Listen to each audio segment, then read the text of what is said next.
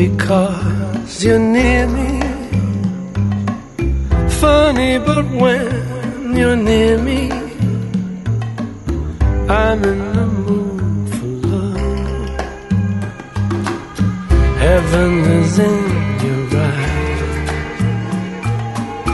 bright as the stars we're under. Or is it any wonder I'm in the mood for love? First rule of Fight Club is Shut the fuck up, Donnie. you do not talk about Fight Club. This is the View Review Podcast. Take a big step back and literally fuck your own face! Who the fuck do you think you're talking to? You can't fight in here. This is the war room. Yippee-ki-yay, motherfucker.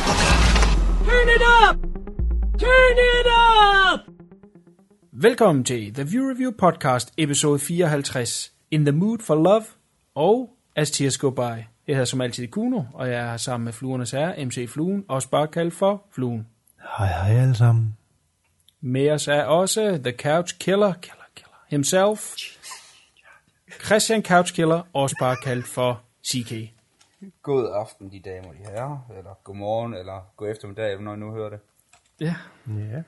Vi skal jo snakke øh, lækker film i dag. Det er jo ekstraordinær lækre film i dag, vi skal øh, forbi. Men inden da, der skal vi lige igennem en ordentlig omgang se tiden sidst. Og nu øh, var du ikke med sidste gang, øh, her C-Case, så jeg går ud fra, at du har en dejlig sprød liste til os. Ja, jeg har valgt øh, 9-10 stykker ud, og så må vi se, hvor mange af dem vi, vi får snakket om.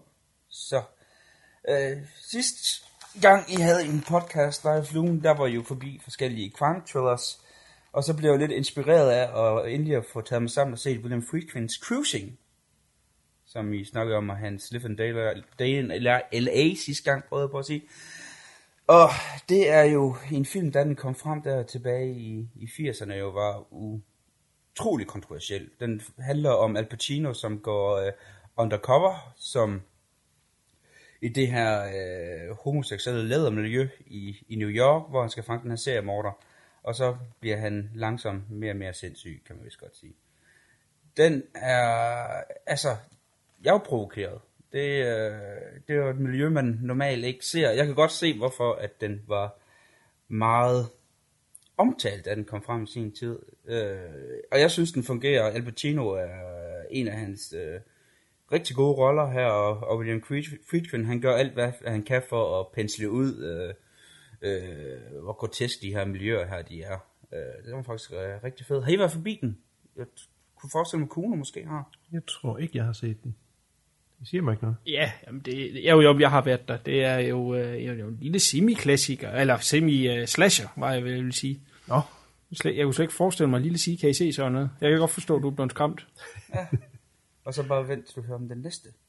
Fordi Nå. Cruising, den er jo kendt for, at der er de her 40 minutter, som er blevet klippet ud.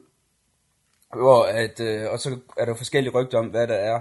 Hvis man ser interviews med Len Friedkin, så øh, går det alt fra de her 40 minutter, det øh, mellem endnu bare var fyldt til, at øh, det har ødelagt det her mesterværk, det havde været, hvis de her 40 minutter stadigvæk var der. Det lyder jo meget spændende. så spændende, at James Franco og en af hans øh, venner, tror jeg det er, de blev enige om, at de ville lave den her Interior Letter Gay Bar. Den findes på Netflix, desværre.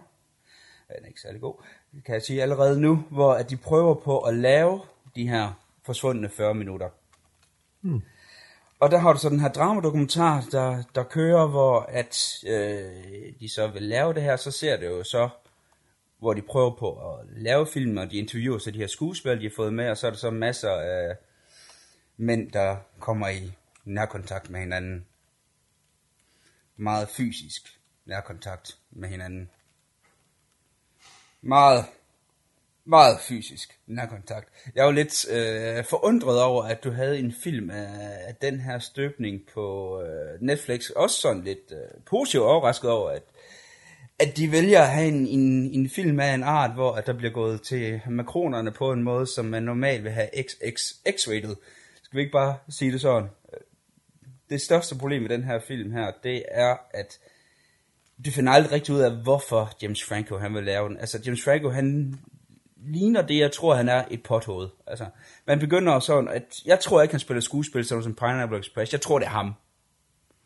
Fordi han, han syrer det ud af, han prøver på at forklare, hvorfor det er meget vigtigt at lave den her øh, film her, og det, han får det aldrig rigtig forklaret ud over, at øh, hovedskuespilleren, som selvfølgelig er heteroseksuel, det er jo en af pointerne i den her film, det er at tvinge en heteroseksuel ud i, i de her, øh, ud i hvordan det her miljø vil have været. Og det bliver, øh, det er tynd kop te, det er det. Altså, den øh, kan ikke anbefales på nogen som helst måde. På Jeg bliver nødt til lige at stille øh, et såkaldt opklarende spørgsmål. Er det, er det en dokumentarfilm, eller er der nogen fiktionsdel i det, de prøver Det er at en, jeg vil kalde det for en dokudrama. Det, okay. Okay. det prøver på at være en dokumentarfilm, samtidig med, at den jo så har de her scener her, hvor du ser mænd i lædertøj, som, ja, hygger sig med hinanden. Skal vi ikke sige det sådan, på en pæn måde. Ja. Og, og så, så prøver den på at, at være begge dele, uden det, det helt er det, og, og det fungerer sgu ikke. Altså, det var en rigtig god idé, og hvis det var forklaret, jamen hvorfor var det vigtigt? Hvis det ligesom man følte, det var et formål med den, jamen så havde det været en pissefed film. Det er der bare ikke. Det, det er bare sådan noget, hvor at man har fornemmelsen af, at de er siddende på fyre, og så har de røget en pind, og så er de blevet enige med sig selv om, om vi skal da lave den her film her. Det kunne da være helt vildt, og så har de så gjort det, og så er der vist desværre ikke med i det. Det kunne have været, altså selve konceptet, det der med at prøve, og så, ja, hvad kunne der have været i de her 40 minutter, og prøve at komme med et fiktionsbud på det, kunne have været fedt, hvor de, de så har, jeg ved sgu ikke, hvad de har været ude på. Det kan ikke anbefales. Skal vi så ikke også blive enige om en gang for alle, at uh, Franco ikke kan skuespille? Nu sagde du, at han skuespillede.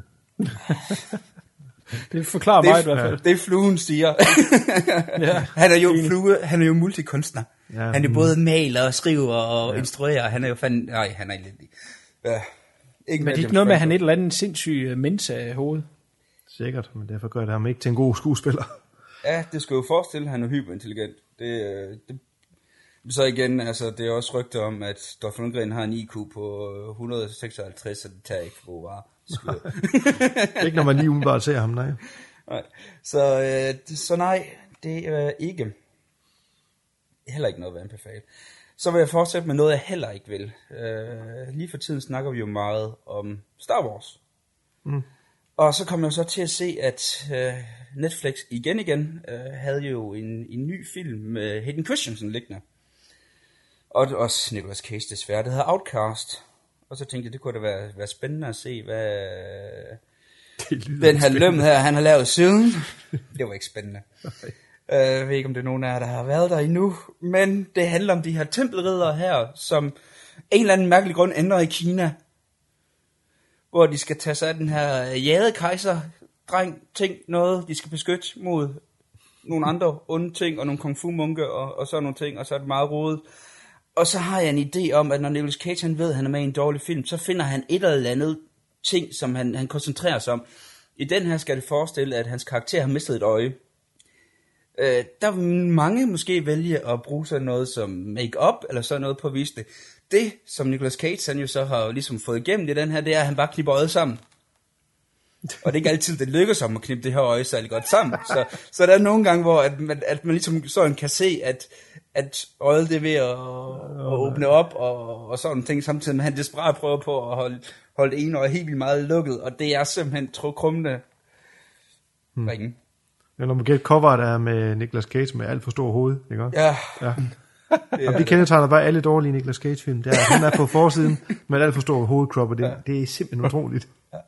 så, så, så der vil jeg sige, øh, hvis, nej, jeg vil ikke engang anbefale det for et billig grin, jeg vil bare sige, sige nej. Så. Men nu er jeg gået lidt hurtigt ved at øh, snakke med en, et par film, som I, og jeg har også været forbi før. Øh, jeg har endelig fået taget sammen til Se Gone Girl. Mm. Pissefed thriller. Det, øh, det må jeg sige, jeg var fuldstændig fanget ind. Jeg har typen, som aldrig rigtig har puttet mig om Rosamund Pike. Jeg har altid syntes, hun var øh, lidt for kold. Det passer perfekt i den her film. Øh, hold nu op, hun er fantastisk i den her. Altså, det er helt op at køre over, hvor godt hun faktisk gør det. Hun holder jo den film sammen. Og en af de bedste øh, skuespilspersoner for sidste år. Så øh, den, øh, den vil jeg også give en uh, thumbs up. Jeg husker også, som om I to var meget glade for den. Nej. Du var ikke glad for den, Kuhn. Var du ikke glad for den, Kuhn? Nej. Nej, øh, ja, nu er det ved at være noget tid siden. Jeg øh, mener, jeg, jeg nævnte den som værende øh, en inter- interessant historie i en øh, Hallmark øh, tv-produktion. Den, den, den føles simpelthen som en tv-film. Der, ja, altså, den, den, mangler, den mangler simpelthen øh, noget nerve og noget... Øh, shit. Jeg kan huske, der var så mange ting, der irriterede mig. Gå tilbage og hør de gamle cast, hvor den bliver nævnt i. Øh, Altså, jeg synes, det fungerede sindssygt med den måde, det var bygget op næsten i to halvdele, hvor du havde den første, hvor du ligesom øh, fulgte optakten, altså hvor du fulgte sådan, efter forbrydelsen var sket. Og så havde du så den anden del, hvor du så havde fokus et helt andet sted, som ikke lige vil røre på folk, der ikke har set den. Og det synes jeg fungerede sindssygt godt. Altså, jeg synes, der var mange ting, hvor at, øh, at du så, hvor du egentlig får at vide, hvad humlen af filmen er. Det er sådan omkring halvvejs ind og hvor den skifter øh, totalt spor. Altså, jeg, jeg synes, det var pisse fedt. Jeg var, jeg var sgu vild med den. Ja, men du, når jeg lige sidder og tænker over det, kan jeg huske noget af det. Altså, det er blandt andet jo, at politiet med det samme mistænker ham, øh, på trods af, at de har så mange spor, at hvis de efterforskede dem bare i syv et halvt minut, øh, ville kunne se, at der er øh, uler i mosen, som ikke øh, kan holde deres egen teori op. Øh, det er så noget, man kunne slippe afsted med måske i 80'erne, 70'erne og ned efter, men i dag, der ved vi øh, som helt normale øh, film ser helt normale øh, arbejds, øh, hvad hedder det, danskere, ved vi allerede en del om forensics, simpelthen bare ved de øh, dokumentarprogrammer, man kan se i tv, så ved man, at man kan sige ufattelig mange ting, alene bare ud af en bloddråbe på gulvet, kan sige præcis, hvor den er kommet fra, øh, altså hvilken retning, øh, hvor, hvad, hvad farten har haft på. Ud fra det vil man hurtigt kunne øh, deduct, om det er noget, der er str- strandet ud af hende, eller om det er noget, der er blevet smidt op af, som hun gør det. Altså der er sådan en masse små tåbeligheder, øh, og så synes jeg, at øh, den mandlige hovedperson, der øh, laver alle de forkerte valg, som er så tåbelige, man sidder og banker hovedet ind i væggen.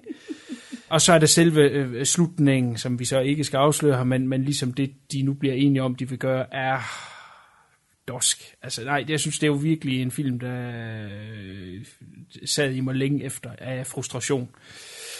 Øh, Ja, jeg, jeg, jeg, jeg havde det fuldstændig på modsat måde. Altså, jeg slugte kamelerne. Altså, jeg har jo med, med thrillers, det tror jeg også, jeg har nævnt før, at hver gang du ser en thriller, jamen, så har du også det der med, så skal du, skal man også kunne acceptere nogle gange, at du har plothuller på størrelse med, hvor lastbiler kan køre igennem. Og, og jeg har, hvis jeg har en thriller, hvor jeg ignorerer plothullerne, altså hvor jeg så fanger ind af filmen, at det først bagefter, jeg tænker over den, så ser det som værende en succes. Det var det med Gone Girl, hvor at plothullerne, det var noget, man så bagefter, ikke mens jeg så filmen. Det er tit med thrillers, hvor det bliver så irriteret, fordi jeg ser plothullerne med det samme. Og det kommer vi også ind på næste film, vi snakker om. Ja, øh, jo, jo og, og det vil jeg også godt give dig ret i. Det kan vi have en diskussion om en, en anden god gang. Men, men jeg synes jo, så skal man heller ikke prøve at byde op til, at det skal være noget, der er lidt mere intelligent. Øh, så, så skal man også se skarpere på det, hvorimod at det er noget, som er bare er underholdningsværdi. Jamen så fuck det. Ja. Øh, det vil jeg Og det havde jeg med Gone Girl. For mig var det en sindssygt underholdende film. Altså, jeg var øh, også blæst væk af Rosamund Pike for en gang skyld. Det var helt rart. Ja, pas. Godt. Jamen så øh, en anden thriller, den tror jeg så ikke lige, ved ikke om I har set den nu, der hedder The Guest. Som er en af de her thrillers her, hvor du kan køre en, en lastbil gennem plothullen. Jeg sad også og tænkte over det, men jeg var så underholdt. Den handler om den her øh, krigsveteran, som besøger øh, øh, en af hans øh, døde øh, kollegers familie. Og så begynder folk stille og roligt at dø som fluer. Og ah. den er så sjov. Altså, den er, det er ikke nogen komedie overhovedet.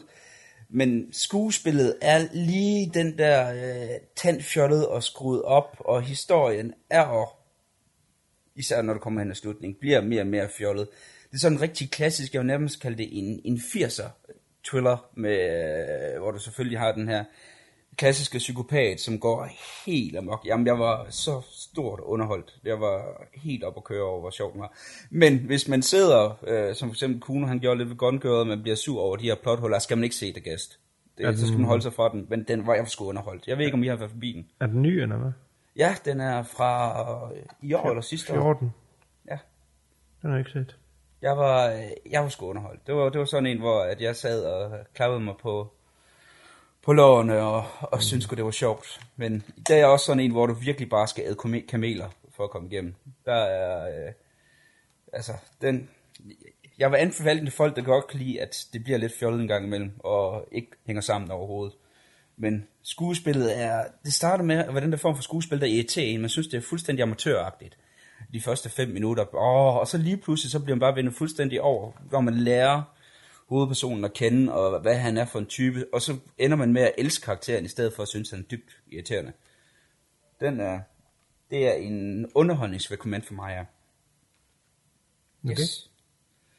Og så vil jeg skynde mig at springe videre til en film, I også har været forbi. I hvert fald Fluen, jeg mener også, Kuhn også snakker om den. John Wick. Mm. Den film, jeg vil sige, når, når jeg ligesom er kommet mig over, hvor svag hele præmset for den film er, det tror jeg også, jeg snakker om dengang, hvor I nævnte den, at det var en grund til, at jeg rigtig havde lyst til at se den, det var at hele præmset med, at han går mok for den her hund her, som han jo har i 12 timer, og det eneste, du rigtig ser den lave, det er, at den skider på, øh, på græsplænen, og så skal man føle for den her hund her, der er død. Det havde jeg sgu lidt svært ved. Men hvis man ser bort fra det, så synes jeg, det er en af de bedst koreograferede actionfilm i meget lang tid. Enig. Mm. Som actionfilm, så holder den sgu. Altså, Og det er også det her, som. Kuno snakker om før med, at, at det er bare for underhåndsværdien. Ja. Så har man bedre ved at, her er jeg i hvert fald bedre ved at sluge den der kamel med, at ah, det er måske lidt lærligt med den hund der, men den er jo så underholdende, og som du siger, den er så, action i den er, er så fedt lavet. Øh, Så jeg, jeg, jeg glæder mig til toren. Og jamen, jeg giver helt ret. Jamen, og det var en af problemerne, jeg havde. Jeg synes, det var mange af karaktererne. Øh, jeg glæder mig til at se mere igen. Mm. Og så er der også sådan nogle af karaktererne, hvor, det sådan, hvor de døde, hvor jeg var sådan lidt, nej, nej, lad nu være. Altså, jeg vil godt have mere Altså, med at gøre. den, det klæder ham øh, i den slags rolle der, Keanu Reeves, synes jeg. Ja, han er faktisk god i den her. Det er han nemlig. Det, øh, han, han, er, han er neddæmpet nok til, at øh, jeg synes, han fungerer i den her. Ja. Så, øh, og det der hotel der, jeg håber bare hele turen bare foregår på det hotel. det, det hotel er fantastisk. Der vil jeg gerne bo. Ja, du vil ikke holde en dag, CK. Okay. Jeg ved ikke, hvor lang tid man bor der, man bliver skudt. Men, uh, noget af det sidste, jeg lige vil komme ind på. En uh, spaghetti western, der er kendt under to, uh, to titler, Blood Money og Stranger and the Gunfighter, med Lee Van Cleef i hovedrollen, uh, som den her uh, cowboy, der, øh, øh, bliver nødt til at øh, slå sig sammen med med den her øh, kung fu mester, og så skal de så rundt og se på bagdelen af, øh, af fire forskellige kvinder for at kunne samle det sammen til et, øh, et skattekort.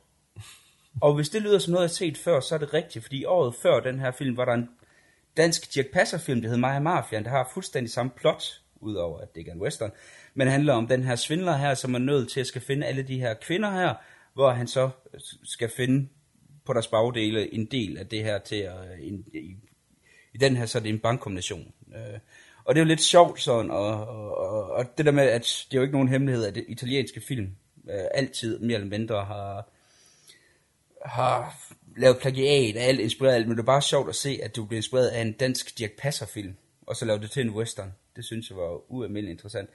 Ikke en film, jeg vil anbefale, fordi koreografien er absolut forfærdelig, og det er den klippet sammen med en skovl. Men det var, det var bare sådan lidt sjovt det der med at, at så sidde og sådan tænke, vent, har jeg ikke set det her plot før? Det var, øh, det var sgu ret interessant. Og den aller, aller sidste film, jeg lige vil snakke om meget hurtigt. Uh, Christopher Walken, Communion. Siger det jer noget? Ja, Det glæder jeg mig til at høre, gør hvad du det. synes. jeg har også været forbi den. Har du været forbi den? Ja, ja, ja Åh. tidligt, ja. Det kan jeg desværre ikke huske.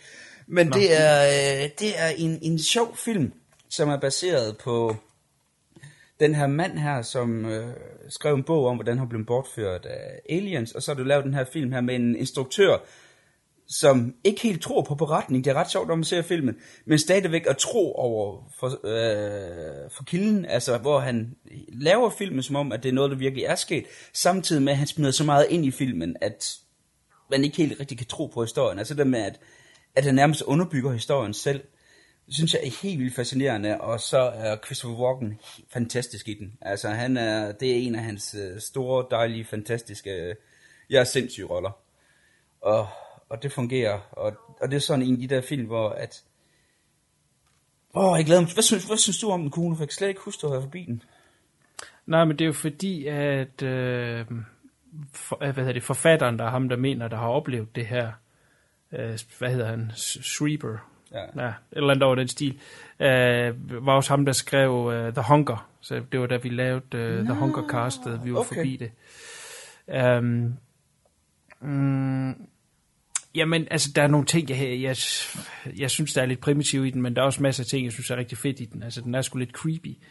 Øh, selvfølgelig er det ikke noget, jeg tror på er sket ved ham, men øh, jeg synes da ikke, det er fascinerende, og jeg vil give dig helt ret forhold til, til Christopher Walken, men der er noget omkring de effekter omkring Alien. Altså, det ligner nogle oppustede plastikposer. Øh, Det gør de. Det, altså, det er det ikke, er ærgerligt, det er ikke lige ført helt til dørs. effekterne er måske, øh, ja, de er ikke så gode.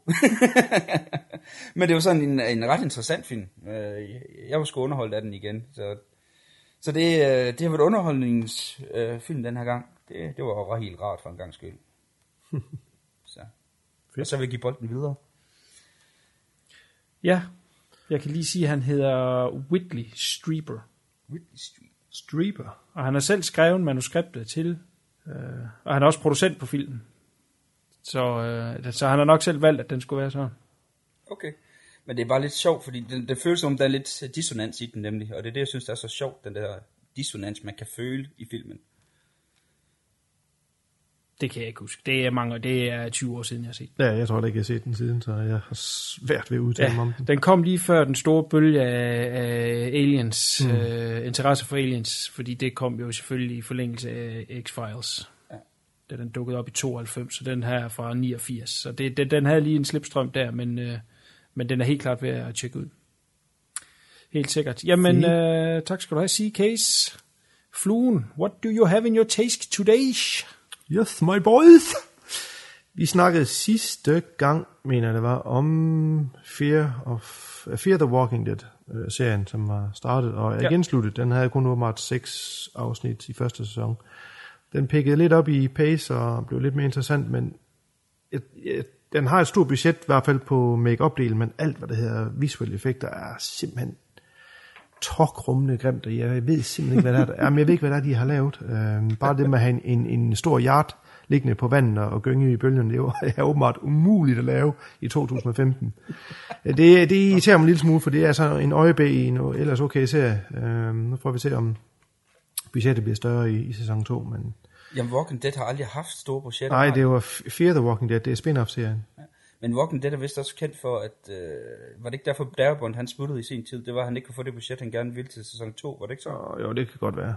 Øhm, det kan godt være, men den tager vi så nu, når Sika vil snakke om Walking Dead.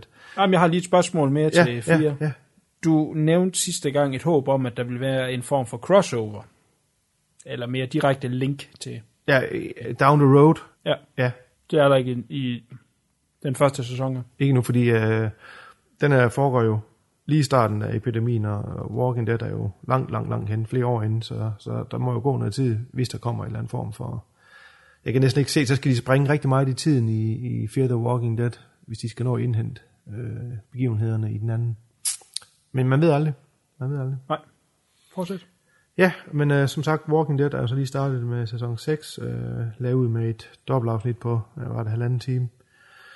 Øh, og der kan man se, at budgettet, i hvert fald på zombie-delen, er, er blevet øh, noget større. Der er en hel del flere øh, fuld øh, make-up'ede zombier med. Og, men den har altså også det her problem med de visuelle effekter, de, de optiske effekter, med, hvor de kopierer zombier, så så, så ser ud til, at der er flere. Det er altså heller ikke særlig pænt lavet. Så de er altså åbenbart ret stramme i budgettet, de her de to serier her, men den, øh, den fortsætter egentlig øh, ret godt, og, og den bliver lidt mere ond, tror jeg. Der skulle være en masse ting fra tegneserien, som folk har efterspurgt. Den ikke har været ond nok, som de så skulle få med her i, i sæson 6. Så det bliver spændende at se, hvor det bærer hen af. Øhm, vi kan lige så godt fortsætte lidt i serier. Fargo var jo lige startet. Det var jo min næse fuldstændig forbi, at sæson 2 var startet her den anden af. Øh, en ny historie, nye, øh, nye mennesker, der foregår i, jeg tror det er 70'erne, slut, slut 70'erne, start 80 måske. Og jeg, vil ikke, jeg vil ikke gå for meget ind i, øh, i detaljerne på det, fordi jeg tror ikke, nogen af jer to har, har set det første afsnit endnu. Øh, Ikke endnu. Nej, den er super fed. Øh, Jeg tror virkelig, det bliver en serie med, med spark. Jeg synes også, at sæson 1 var helt suveræn. Øh, Det her det er en helt anden historie, som sagt. Helt andre personer. Ted Danson er med, og øh, hvad var vi begyndt om, han hed Patrick Wilson. Kunne var det, vi sagde? Ja. Øh, blandt andet og Kirsten Dunst og sådan noget. Så der er, der er et stort, øh, stort cast med. Så, Er Dunsten med? ja, Dunsten er med, ja. Jeg kunne slet ikke genkende hende. Jeg måtte lige sådan slå op og se, hvem er det, det der er, og så, så var det altså hende. Hun er godt nok blevet gammel at se på. Og der er hun. Altså, og så har de gjort hende ældre i den her, det ved jeg ikke. Men jeg kunne ikke genkende hende. Jeg plejer godt at kunne genkende, når det er hende. Jeg kunne ikke se, det var hende. Øh, ja, øh, vi kan tage den, når I har set øh, et afsnit eller to, så kan vi tage den næste gang. Øh, for jeg synes, det er synd at gå i detaljer med den lige nu, når I ikke har set den. Men uh, thumbs up til den. Så nævnte CK Star Wars og Netflix. Og der er der faktisk en, der hedder Star Wars Rebels, som jeg lige prøver at hoppe på et par enkelt afsnit. Der ligger hele sæson 1 på Netflix, og sæson 2 starter vist i dag, så hurtigt jeg visker. Den foregår mellem episode 3 og 4, mener jeg det er. Hvor Imperiet er efter alle de her sidste Jedi's og Resistance-folk. Øhm, ganske underholdende. Lidt primitivt animeret, men øh, den har, den har charmen af, af Star Wars-universet, så det er en, jeg lige prøver at følge lidt mere med. Jeg har taget et par afsnit af den. Jeg husker også, at den havde en meget interessant karakter. det har den også. Øh, og den har den her følelse af, af Star Wars universet, plus at uh, James Earl Jones også er med som Vader, så de har der fået nogle, nogle ting ind over, som, så det matcher op med filmene. Så den vil jeg prøve at holde lidt mere i hånd nu her op til december, hvor den nye film kommer. Så har jeg været forbi Ted 2. Jeg ved ikke om den snakker vi ikke om sidste gang, ikke? Nej, ikke sidste gang, men den er blevet nævnt. Ja, du har i hvert fald set den, men jeg har ikke set den. Øh. Og der var jeg også ganske, ganske, ganske underholdt. Den har jo faktisk også uh, lidt på hjerte, filmen. Um, så jeg var simpelthen, jeg er sådan lidt, ja, okay, hvor sjov kan en to så være, men den er faktisk ret sjov. Der findes en extended version, som er hele, er det 13 minutter længere. Den har jeg ikke set. Ja, 13 minutter. Det er sådan lidt, øh, hvor meget ekstra er det lige, de kan fylde på, men jeg synes, der var rimelig mange ting deri, der var, der var gross og typisk øh, Ted McFarlane humor, øh, men som sagt også har det her med et budskab og lidt hjerte bag, at, at, at om, om, om borgerrettigheder, og man skal behandles øh, ens, uanset hvad, hvad baggrund man har, og hvad etnisk baggrund man har. Så den har sådan lidt mere, et, et, et mere budskab, kan man sige, end den havde. Så jeg var ganske positivt overrasket. Så var jeg forbi en, ja, en found footage horror film, der hedder Gallows. Jeg ved ikke, om nogen af jer der har set den. Jeg er så glad for, at du forbi lige der found footage film, så jeg ikke behøver Ja, det, jeg skal nok tage den cool. Uh, du har ikke set den cool nu, eller? Nej, desværre. Jeg, jeg, jeg ved godt, hvad det er for en. Ja, altså Men det er ikke noget at den er skudt på mobiltelefoner eller sådan noget? Nej, den er skudt øh, meget lidt på mobil, ellers er det en handicam, der render rundt med. Øh, Okay. Meget kort handler den om, man ser øh, tilbage i 83 et skolestykke, som hedder The Gallows, som så er et, et stykke, de tager op øh, hvert år, eller i hvert fald tit har kørende på den her skole. Øh, og der er så en, der bliver hængt ved et uheld i, øh, i galgen og dør under den her forestilling, og så springer de så frem til nutiden, hvor de skal sætte det her stykke op igen, og der er sådan lidt love interest, der er en rigtig douchebag, der er rundt med kamera, som er meget hader fra starten af, og der er de her, ja, de her typer, man nu normalt har i den her film. Og så er det, handler den egentlig om det her spørgeri på den her skole omkring det her stykke. Den følger meget de her paranormal activity opskriften med jumpscares og måden den er film på med, med point of view kamera. Den, altså lydsiden er rigtig fed. Rigtig, rigtig fed. Og der var et enkelt par gange, hvor jeg lige fik et, et lille startle, og der var en enkelt ting, hvor der også var lidt creepy, men ellers er det bare, altså det er jo det samme. Der er ikke meget i det her. Jeg kan godt se, at de unge måske synes, det er fedt at blive skræmt for videre sans, men sådan en, der afstumpet som mig, som har set lidt af hvert, det, den der bider den sgu ikke på. Jeg er nok ikke lige det rigtige publikum, vil jeg sige. Så den øh, vil jeg ikke bruge mere krudt på. Så var jeg forbi en film, som egentlig har fået ufattelig hårde ord med på vejen, der hedder Pixels. Og jeg ville så gerne se den, men jeg Ja, turde ikke. fordi ja jeg men jeg, jeg meget- havde hørt så meget om, at den... Øh, og Adam Sandler bare havde ødelagt den film, og han var så elendig deri, og hvad er der ikke det ene eller det andet galt med den film. Så så jeg den faktisk. Jeg var ganske positivt overrasket. Rigtig underholdende. Altså hvis man inden for kan se ind i de her sådan Pac-Man ting og, og arcade øh, videospil, som jeg gjorde meget i, da jeg var, jeg var ung, ikke? Og Knights, så, så tror jeg, at man synes, den er underholdende. Rigtig godt lavet. Pisse fedt lavet.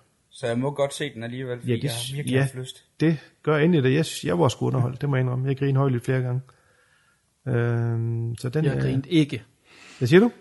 Jeg grinte ikke. Nå, du grinte ikke? Nå, men det er det, jeg siger. Man skal, man skal nok... Øh, man skal nok Jamen øh, altså, jamen det er jo igen det, hvad, hvad, hvad, hvad man har ud af en film. Ja. Jeg, jeg kan, øh, jeg er også barn af 80'erne, og, og kan genkende mange af de ting, de refererer til i spillene. Altså noget, der. Jeg kan godt se, at det er sjovt, men det retfærdiggør ikke, hvor crappy filmen den er. men, men det er selvfølgelig fint, at du har kunne tage noget med ud bagefter, men det er en stinkende elendig film, som er en, endnu en øh, øh, sten i, i den vej, som øh, den gode Adam Sandler er ved at bygge ned til helvede. Er han da ikke allerede? Jamen, jeg ved ikke, hvad han kan gøre. Altså, han laver jo kun B efter B efter B. Og så har han åbenbart også begyndt at trække uh, den stakkels Kevin James med ned. Øhm, Jamen, han har aldrig skal lavet noget, forestille der at er være øh, Ah, præsident i Amerika. Altså, øh, som han, man kan bare lige gå ind i det hvide hus. Wey, ikke? Øh, altså, hold kæft. Den er så horribel elendig. Sig, sig, kan I se den? Jeg, vil- jeg vil over anbefale, at du ser den, for jeg tror også, du synes, den er underholdende. Okay. Måske, Jamen, altså, men den er baseret på en kortfilm, øh, en fransk kortfilm, vist nok, som er en, en nogle år gammel, som skulle være øh, ganske underholdende. Den har jeg ikke fået set, men det kunne være, at den ville være værd at se i stedet. Det er, det er rigtigt, den er baseret på en, uh, en YouTube, uh, jeg tror det er sådan en 8 minutters Okay, den kortfilm. vil jeg prøve at, at se først. Så. Men det er jo bare det med det samme, du ser traileren, og du, og der, du har Donkey Kong, og du har Pac-Man, og det er Ja. sådan lidt... Og man føler sig bare som om, man er 8 år igen. Hmm. Altså det er sådan Men lidt... der er set den. Alle de der, jeg tror, jeg har brugt over 30 timer på at spille Pac-Man. Altså, så meget er der sgu ikke i det spil, altså. Det er der, der er jo en hel videnskab uh, blandt de her uh, mønstre, som der er i de spil. der. Det er der, der er der også lavet en film om, du kan ikke huske, hvad den hedder. Nå, ja, den der, den der Donkey Kong, Ja, øh, den er faktisk rigtig fed. Den kan faktisk varmt anbefales som dokumentar. Det er sådan en hel videnskab, hvor de sidder og tegner sådan nogle plancher ind over øh, skærmen og regner de her tønder ud og sådan noget. Det er, det er, det er en hel videnskab. Det berører de meget lidt heri, men øh, jeg, jeg var underholdt, det må jeg sige. Jamen, Men så ja, må og jeg jo jeg- være Ja, du på må, være, du må være tung på vægtskålen, ja.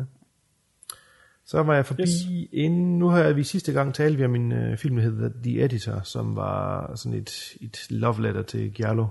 Så har jeg været forbi en, der hedder The Final Girls, som øh, også i den grad er et, øh, et kærlighedsbrev, en kærlighedserklæring til 80'ernes slasher. Du havde fået set den også, Kuhn, ikke? Ja. Ja. Øh, der var jeg sgu også underholdt. Det må jeg indrømme. Øh, den er ikke så gory, men det er heller ikke det, der filmen øh, egentlig skal være. Det er jo en komedie. Øh, den har lidt et sjovt øh, premise, så at sige. Den handler om øh, en, en scream queen, kendt skuespiller, som øh, har været med i de her sådan Bloodbath-film. Jeg kan ikke huske titlen på dem. Det er også ligegyldigt. Sådan en fredag er træt af rip-off. Øh, hun, nu spoiler vi lige lidt, så folk, der ikke har set den, ikke vil vide, hvad den handler om, må nok lige holde sig for ørerne. Øh, hun omkommer i et biluheld øh, sammen med hendes, hendes datter, som så overlever biluheld.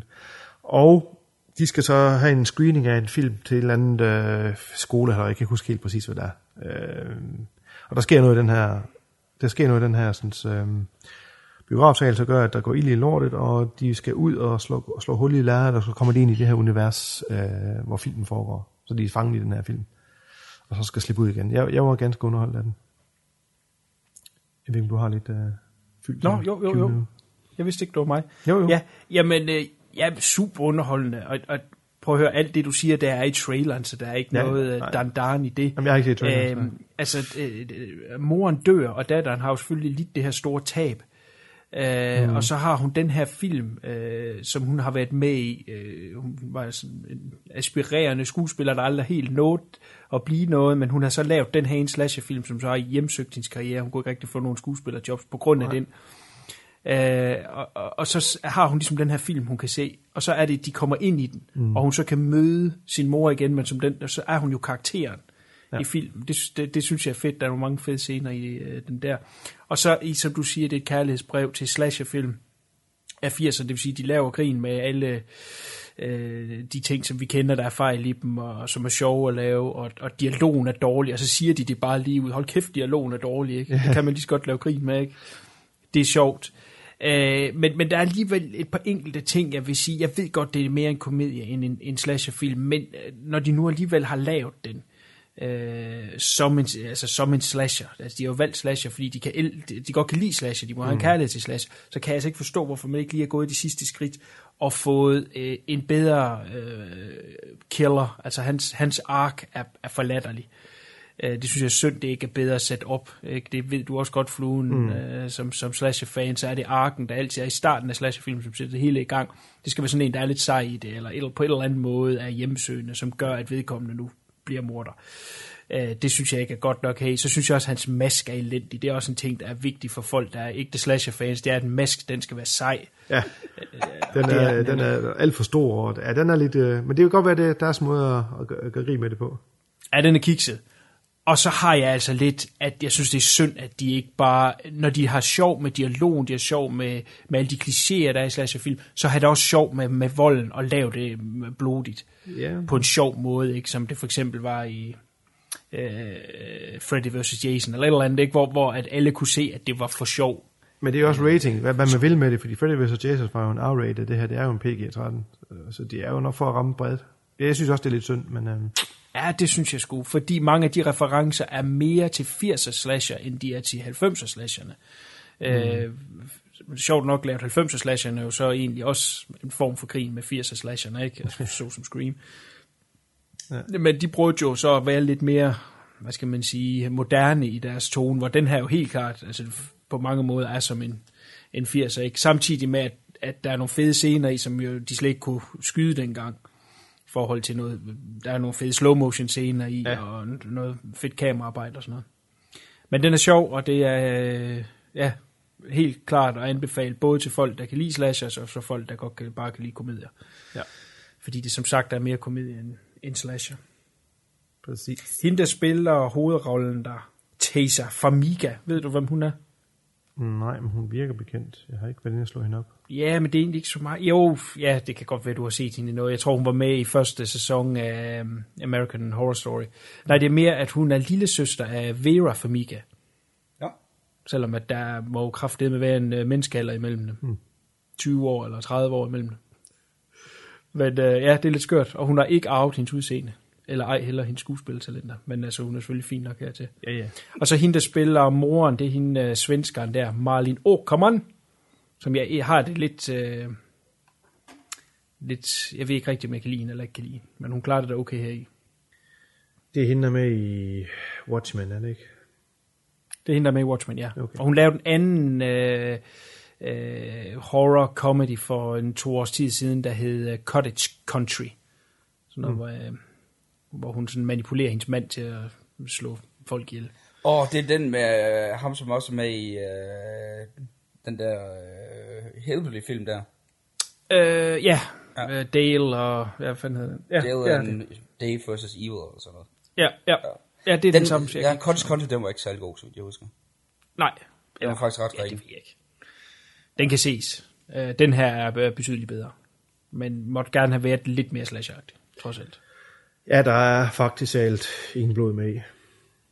Nej, det tror jeg ikke, der. er. Meget lidt. Jamen, så kan jeg godt se. Er det sådan, den er CK-venlig? Ja. Det er den. Godt. Havde du mere, Flugman? Nej, det var vist det, jeg havde nået. Jamen, så vil jeg sige doje, doje til dig. Det giver mening, når vi kommer hen til en. Ja. Ja. Og så vil jeg kaste mig i gang med min liste. Jeg kan jo så starte med en form for uh, slasher, eller i hvert fald er der dele af den, der er slasher.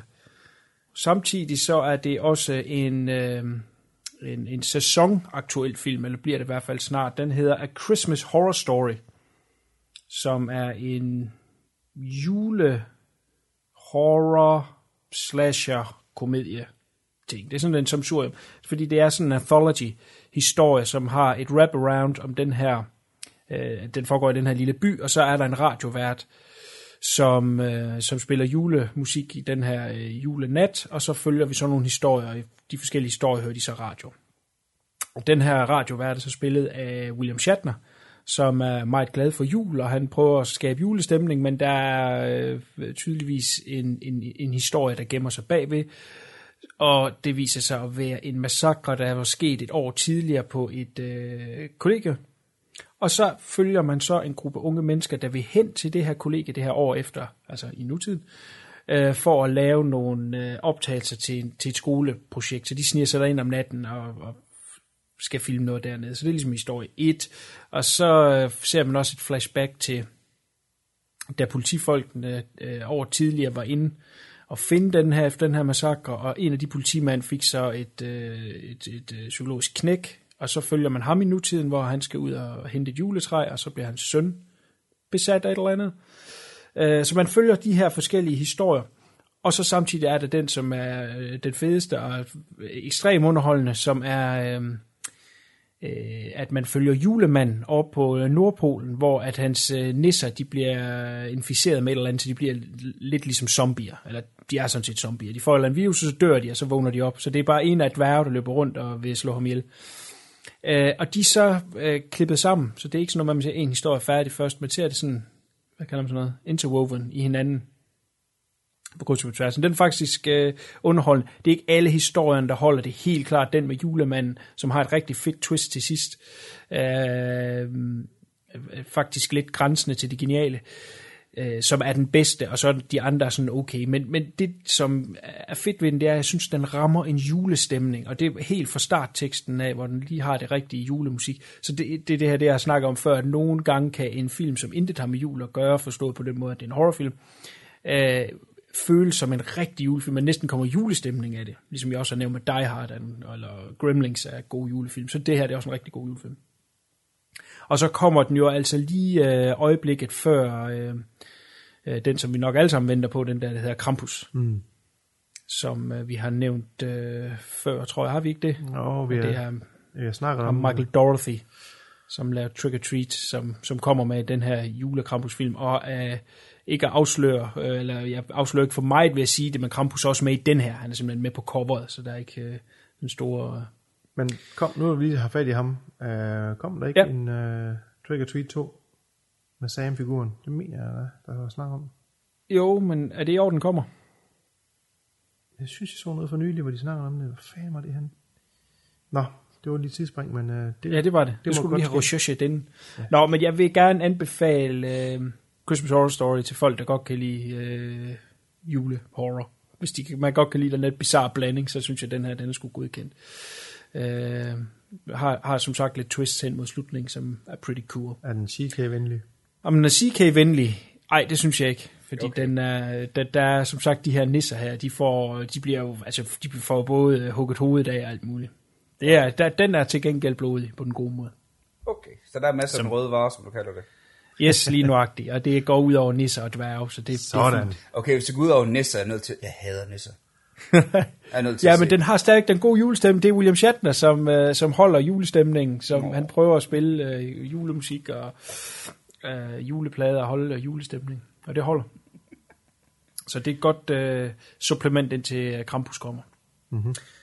Godt, så vil jeg bare lige vende en flue nævnt sidste gang, nemlig Mission Impossible Rogue Nation, som øh, er det pissefed. Hold kæft, den er underholdende. Mm. Var fuld smadret fra start til slut. Øh, skide godt håndværk. Altså, det er jo, et- jeg tror, du sagde noget med, hvor, hvor umuligt kan deres missioner blive, ikke? Altså, kan de blive ved med det, ikke? Men altså, hvis man skal købe ind til et premise, som vi, snak, som vi snakkede om tidligere i episoden, så øh, jeg køber totalt ind i det her premise med, med det her Mission Impossible Force, og, og alle de ting, og, og folk, der, hvad hedder det, Shadow Conspiracy, og der er hele tiden nogen, der prøver på en eller anden måde at Ja. Øh, ja, ja, og øh, går i skyggerne og, og- manipulerer dem, eller lukker dem, eller hvad fanden, det har det været de sidste par film i hvert fald. Og, og, men jeg synes, det virker, fordi det er sindssygt underholdende. Det er lavet af folk, som gerne vil lave øhm, underholdende film, og, og når det kommer igennem kameraet, så, så, og, og helt ud til, til, til lærredet, og det vi sidder og ser, som publikum, så smitter det bare af, så, at, så nogle af de uh, shortcomings, der kan være, i hvert fald som jeg ser det, er egentlig ligegyldigt, når man bare kan se, at der er den glæde, at vi ligesom er fælles om, at det her det er fandme sjovt, og det er en drengeårsfilm, og Mm. ja, super cool, så jeg vil fandme gerne til flere Mission Impossible film. De sidste par stykker har også været helt vildt sjove. Jeg har ikke set Ja. den nye her, men de sidste par stykker, den der Ghost Protocol, jeg har sgu sindssygt underholdt. Den der scene i Abu Dhabi, der var helt vildt fed. Ja, Så men hvis det, det er der også masser af her. Okay, så, øh, så den er også CK-proof, den kan jeg godt se. Ja, helt Ja, sikkert. plus når vi snakker svenske skuespillerinder, så Ja. ja. er der lige lov for. Rebecca Ferguson. Huh, ja. Ja, hun er godt nok nice. Det må man godt nok sige. Og så man den sige. instrueret af Chris McQuarrie, som jo øh, er kendt for at have skrevet blandt andet uh, Usual Suspects. Og instrueret Way of the Gun. Ja. Han lavede også Jack Reacher også med Tom Cruise, som også var en øh, okay underholdende Ja. ja. thriller. Den, den var sgu også fin nok. Altså, var så helt sikkert. Chris McQuarrie, uh, McQuarrie, som du kalder ham, han, øh, han er, jeg glæder mig til at se, hvad han fortsætter med at lave actionfilm, også fordi Way of the Gun var pissefed. Ja, Mm-hmm. bestemt. Bestemt, bestemt. Godt. Jeg går lige over i Fluens territorie et ganske øjeblik, hvis jeg må, nemlig over i tv-serier. Jeg vil starte med at sige, at Blacklist sæson 3 lige er begyndt, og den øh, kører de over på øh, Viaplay, og det gør de øh, samtidig med øh, amerikanerne derovre, så man kan ikke være mere current med sin Blacklist end det. Øh, jeg er lidt... Er der nogen af jer, der stadig følger med i Blacklist? Ja, jeg så kun første sæson, tror jeg. Okay. Det. Jamen, de begyndte at, at lave nogle twists i sæson 2, som de nu følger op på her i sæson 3, som øh, nu er den kun lige et par øh, afsnit ind, men jeg er lidt bekymret for, hvad de vil med den. Øh, jeg er bange for, at de begynder at ændre for mange ting. Der er ligesom ideen med øh, den her karakter, som øh, Ray Reddington, som, som, som kender alle i, i underverdenen, og ligesom har lavet en liste over dem. Det er ligesom en blacklist øh, over, hvem øh, der er de værste forbrydere, og hvad de kan. Så er det jo så, at han øh, angiver dem alle sammen til FBI for lige stille at få dem ud af spillet og sig selv få en højere position, men forhåbentlig også på en eller anden måde at gøre verden til et bedre sted. Det er, lige, det, det er lige nu som om, at det forsvinder lidt ud af øh, serien. Jeg ved ikke, om de kan redde det ind igen, eller hvad præcis de vil med det, men, men tidlig i sæson 3 er jeg lidt bekymret. Desværre. Godt, så er der en komedieserie, som øh, jeg har hørt om de sidste par år, men øh, ikke fået set. Nu har jeg set øh, lidt af, eller jeg har fået set hele første sæson, der er fire sæsoner pt, af den, der hedder Veep. Den er simpelthen så fantastisk, jeg vil give den absolut varmeste øh, anbefaling af nok den bedste nyere komedieserie, der er øh, simpelthen fantastisk. Har I hørt om den? Mm. Ja, jeg har en kammerat, som elsker den, også overalt ja. på jorden. Hun skulle være sindssygt fed som vicepræ- vicepræsidenten.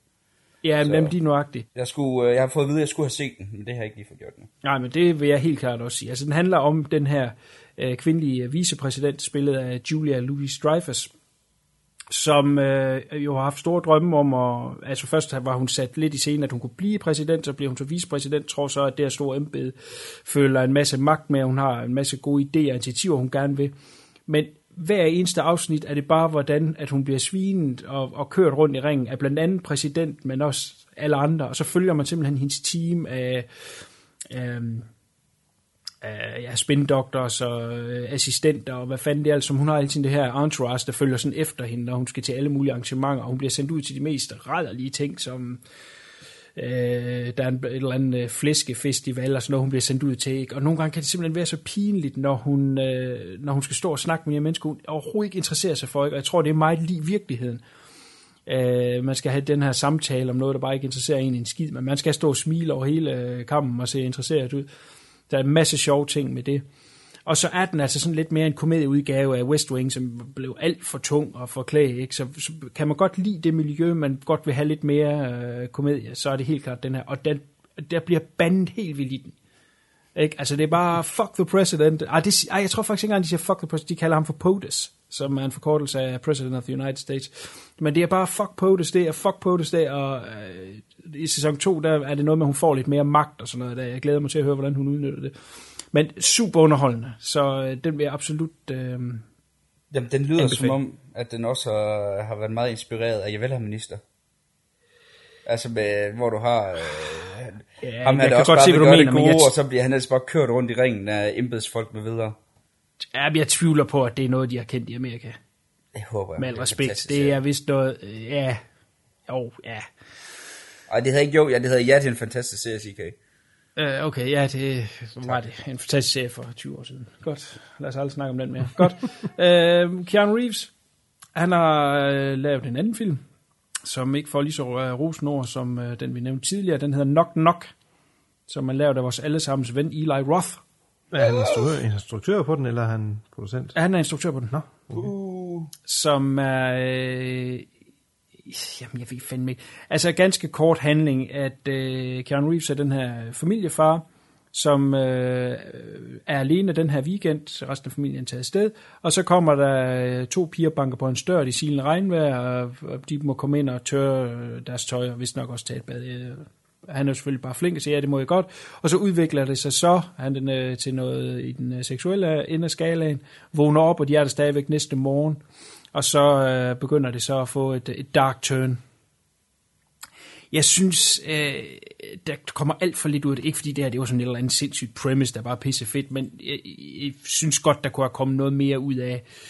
Øh, for det første er de jo ikke ret store, de her piger, skal jeg lige skynde mig at sige, og, og han burde jo kunne tæske dem. Altså, der er nogle ting der, der generer mig. Der er vi tilbage ved det der med, at de prøver at sælge ind i et premise, men når man kan se, at ah, den holder sgu ikke helt vand, så trækker den sgu lidt. Så den er, øh, ja, forudsigelig og kedelig vil dog lige give et plus til øh, en af pigerne, der som er en øh, kubansk født pige, der hedder Ana de Armas. Og hun er super nice at kigge på. Så det, lad det være et lille plus, hvis man skulle. Så du den sammen med konen? Øh, nej. Nå, okay. Hvorfor? Nej, ikke noget. Du sat en halv, halvfed på, og så og Nå, nej, nej, ja, ja, det må hun jo, øh, så, må hun, så må hun lidt trykke, hvis det var. Godt, øh, jeg vender tilbage til tv-serier, Fluen, hvis jeg må. Ja, ja. Uh, Scream Queens, som er en slasher tv-serie, som har blandt andet Jamie Lee Curtis i hovedrollen. Mm-hmm. Det er manden bag Glee, der har lavet den. Åh, oh, Gud. Og det siger jo sådan set alt, fordi øh, han er Ryan Murphy, og han er, en, han er en frygtelig mandsperson, som bare skulle aflives. Øh, Øh, det er faktisk også ham, der laver American Horror Story. Jeg har kun set sæson 1 af den, og den var jeg ikke imponeret over. Uh, den her serie, det, det, det er simpelthen bare lige flyttet over i et slash-univers. Så alt det der goofy fun, som uh, de prøver at lave der i meget uh, pastelfarver og smarte klip og nogle hurtige lyde og skabet skuespil, det er også her i. Uh, der er også, hvad hedder det, Lia Michelle, som er med i Glee, og spiller også en større rolle her i. Jeg, jeg kan prøve at forklare en scene om, hvor, hvor, øh, som, som vi skal i scenesæt, hvor elendigt det er. Fordi Øhm, I det første afsnit, der er øh, Ariana Grande med, som jo er øh, moderne teenage pop idol. Øh, for også pænt at kigge på, lad nu det være. Øhm, og hun bor på det her kollega, hvor der så kommer en morder ind ad døren. Og så morder, eller en mor, hun ved ikke, det er morder, det er en mand i en mask. Og så bliver hun sådan lige lidt forskrækket, hov, hvad vil du? Og så sender han hende en besked, en sms. Får en besked, øh, sms-besked, der, hvor der står, øh, om hun ikke vil danse for ham, eller vil han danse for hende, det kan jeg sgu ikke engang huske nu. Ikke? Og så, så svarer hun ham bare tilbage, selvom der er halvanden meter imellem dem. Øh, så begynder han at danse, og så øh, stopper han, og så skriver han besked igen, hvor han skriver, øh, nu slår jeg dig ihjel. Og så skriver hun, no, wait, no. Og så begynder han at dolke hende, og så falder hun ned på gulvet, og så ligger hun ved siden af hendes bærbar, hvor hun så lige skriver ind på, øh, ja det ved jeg ikke, Facebook eller øh, Twitter, eller hvad fanden folk nu bruger lige nu. Uh, så skriver hun noget eller andet med, åh, jeg er ved at dø nu, øh, og så bliver hun dolket en sidste gang, men hun når ikke at trykke send, og så ligger hun sådan lidt og bløder, og så vågner hun lige op, og så når hun trykker send, inden hun dør. Fordi så får vi lige en, en, en der, der er en social, hvad hedder sådan noget, social medie, vi er med, hvor de unge er. Altså, det er det, de forstår. Men er det elendigt? Ja, det er pisse elendigt. Frygtelig tv-serie. Scream Queens, den jeg er... bliver nødt til at se det første afsnit i hvert fald. Bare lige Ja, men gør det, du dig over, hvor elendig den er. Jeg er solgt, jeg er solgt, jeg skal se den. Jeg solgte den godt. Ja. Her er en anden øh, film, du kan se, uh, CK. Det er lige noget for dig. Den hedder Tomorrowland. Den havde jeg faktisk overvejet, men ikke nået ind til den endnu. Man skulle vist lade Det være, at altså- hørt noget om. Altså, hvad siger du, Flue? Ja, man skal vist lade være med at se den. Jamen, altså, prøv at høre. Den her film er 130 minutter. Oh, og den burde, den burde knap nok være 85. Jeg siger ikke, at der ikke er en underholdende film derinde, ikke? men den er, bare hele starten er så elendig, elendig, elendig lavet. Og det vil irritere jer, når I ser den, så kan I se, hvor pisse elendig den er. Men måske derefter er der et eller andet. Men altså, jeg vil have klippet i hvert fald de første 25 minutter af filmen. Uden øh, ryng på næsen. Ganske kort handler det om, Øh, nu springer jeg så 25 minutter ind i filmen, for jeg gider ikke fortælle den første 25 minutter. Øh, handler om den her pige, som øh, modtager en, øh, sådan en pen, et emblem, og når hun rører ved det, så kommer hun til en, øh, en anden verden, sådan en fremtidsverden. Og øh, prøver så at finde ud af, hvad den går ud på, og hvor hun får den fra, og hvad kan den, og i det, der er der pludselig nogen, der prøver at fange hende og slå hende ihjel, og så finder hun så hen til en, øh, øh, eller bliver hjulpet hen til den her mand, som, som kan alle svaren, han så spillet af George Clooney, som også kender til det her sted, og så skal de så rejse derhen med nogle robotter i hælene. Øh, noget med øh, opfindere, som, som kan lave en bedre verden, som har ja, lavet det her Tomorrowland. måske kunne den være god, men hold kæft, de, det er som om, de hver eneste frame, de har filmet, det så har de bare proppet ind i den her film. Der er dialoger, når de sidder og kører i en bil, hvor og så ser man det sådan fra den ene side af bilen, så har de et eller andet fuldstændig ligegyldig dialog, der ikke har noget med noget at gøre.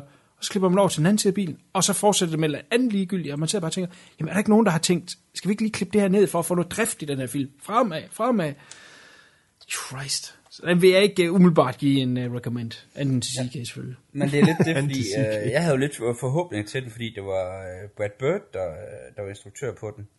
Yes, Det var lidt der, hvor jeg synes, fordi han, var, vi snakkede før om Mission Impossible uh, Ghost Protocol. Yes. Det er ham, der har lavet den, og han har også instrueret Yes. nogle af de bedre Pixar-film, som The Incredibles for eksempel, og også The Iron Giant, som også er en sindssygt fed animationsfilm.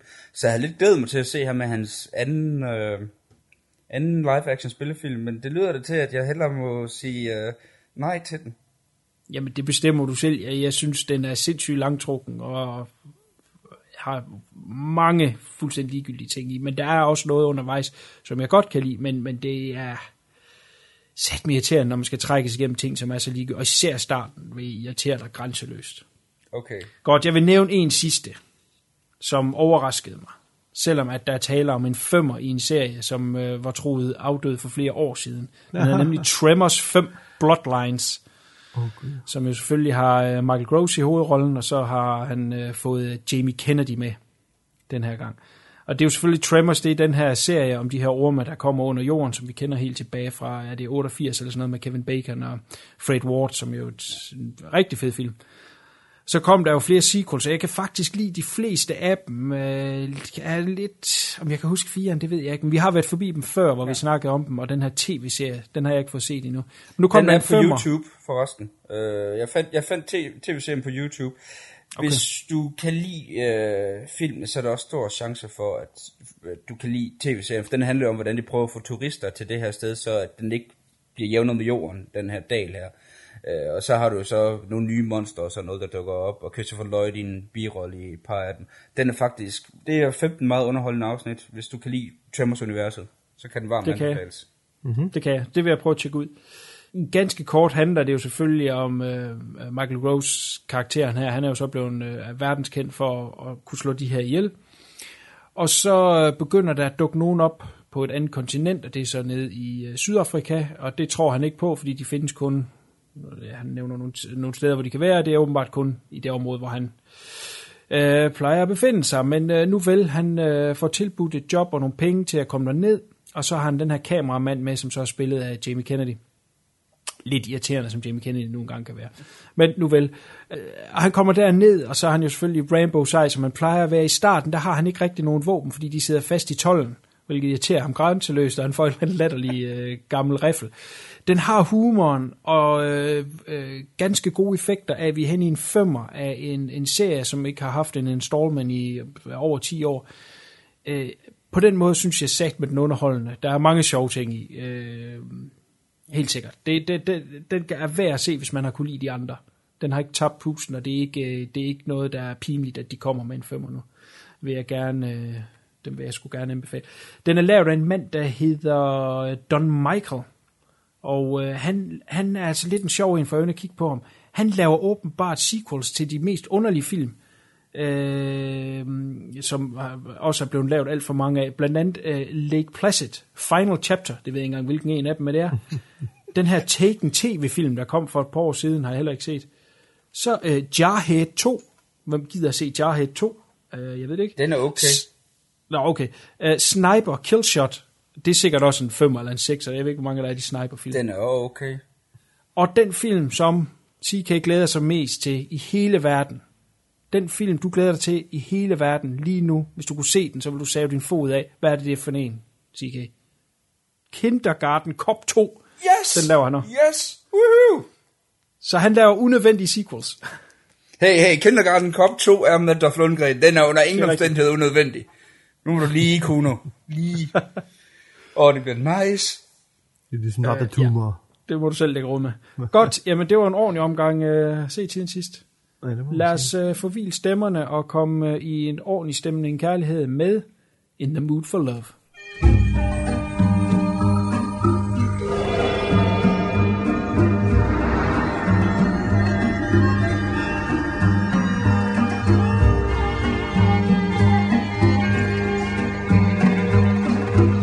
I'm in the mood for love.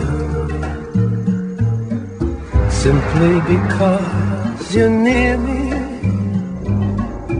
Funny, but when you're near me, I'm in the mood for love. Heaven is in your eyes, bright as the stars we're under. Wonder I'm in? USA Films presents a film the New York Times calls dizzy with a romantic spirit that has been missing from the cinema forever. The most breathtakingly gorgeous film of the year. From acclaimed director Wong Kar In the Mood for Love.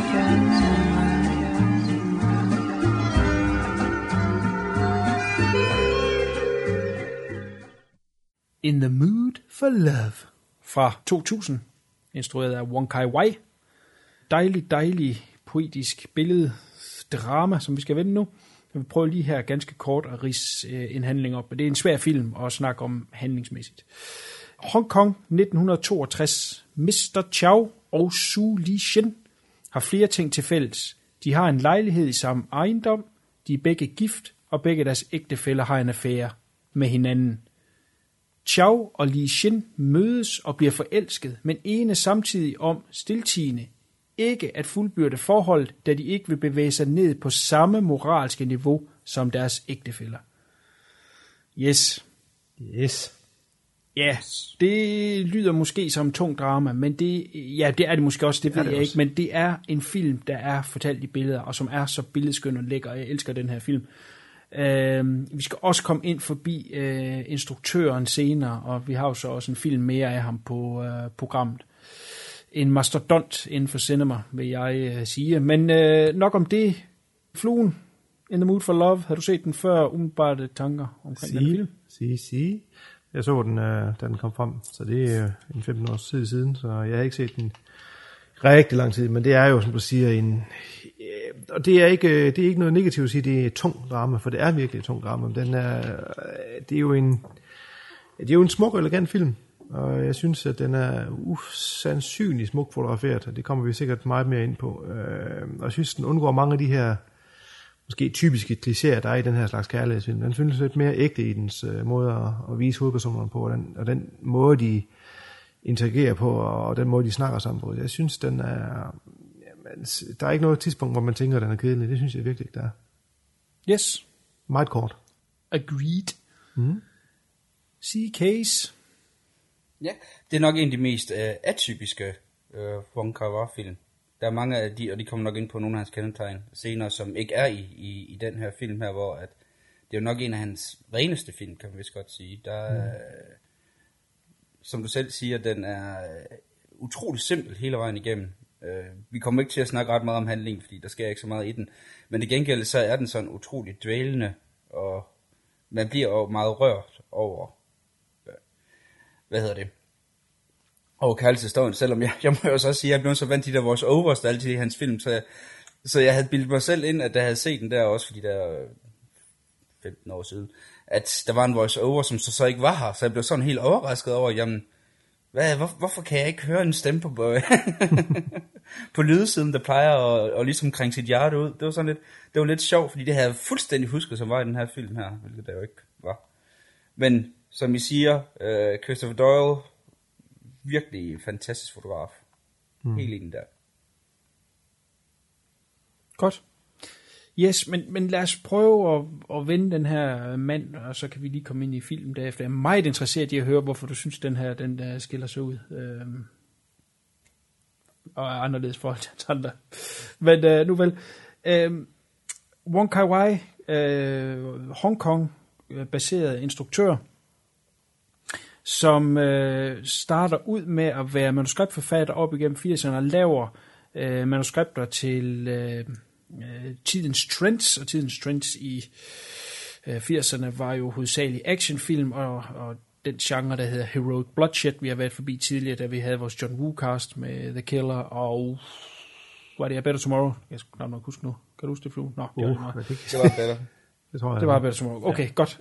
Um, og nok den mest kendte, han skrev til øh, som manuskriptforfatter only, det er den, der hedder Flaming Brothers, som er sådan en lidt en Heroic Bloodshed klassiker. Kan jeg anbefale, hvis man godt kan lide de her gunplay-film, som er i den, i den voldelige skalaen. Øh, han kommer så selv frem og skal lave en film, og det gør han i 1988. Den skal vi snakke om senere, det er den, der hedder As Tears Go By, øh, som er sådan lidt som en fod i, i, i flere genrer. Og da den ligesom er færdig, ikke får den store øh, kritiske succes, så er det, at han laver hans næste film, som er en øh, noget mere personlig film, må man sige, som hedder Days of Being Wild. Og øh, den film foregår også i 60'erne. Øh, nogle af karaktererne, som vi kender nu fra In the Mood for Love, går igen i den her, eller omvendt, det er jo, den er jo lavet før. Og tankerne om, om man kunne lave en, øh, en tor til den her film, den øh, hjemsøger Wong Kar Wai i mange år. Øh, jeg ved, er, er der nogen af jer, der har set øh, Days of Being Wild? Ja. Ja. Jeg kan ikke helt huske den, men jeg husker som, om der var noget incestiøst over den.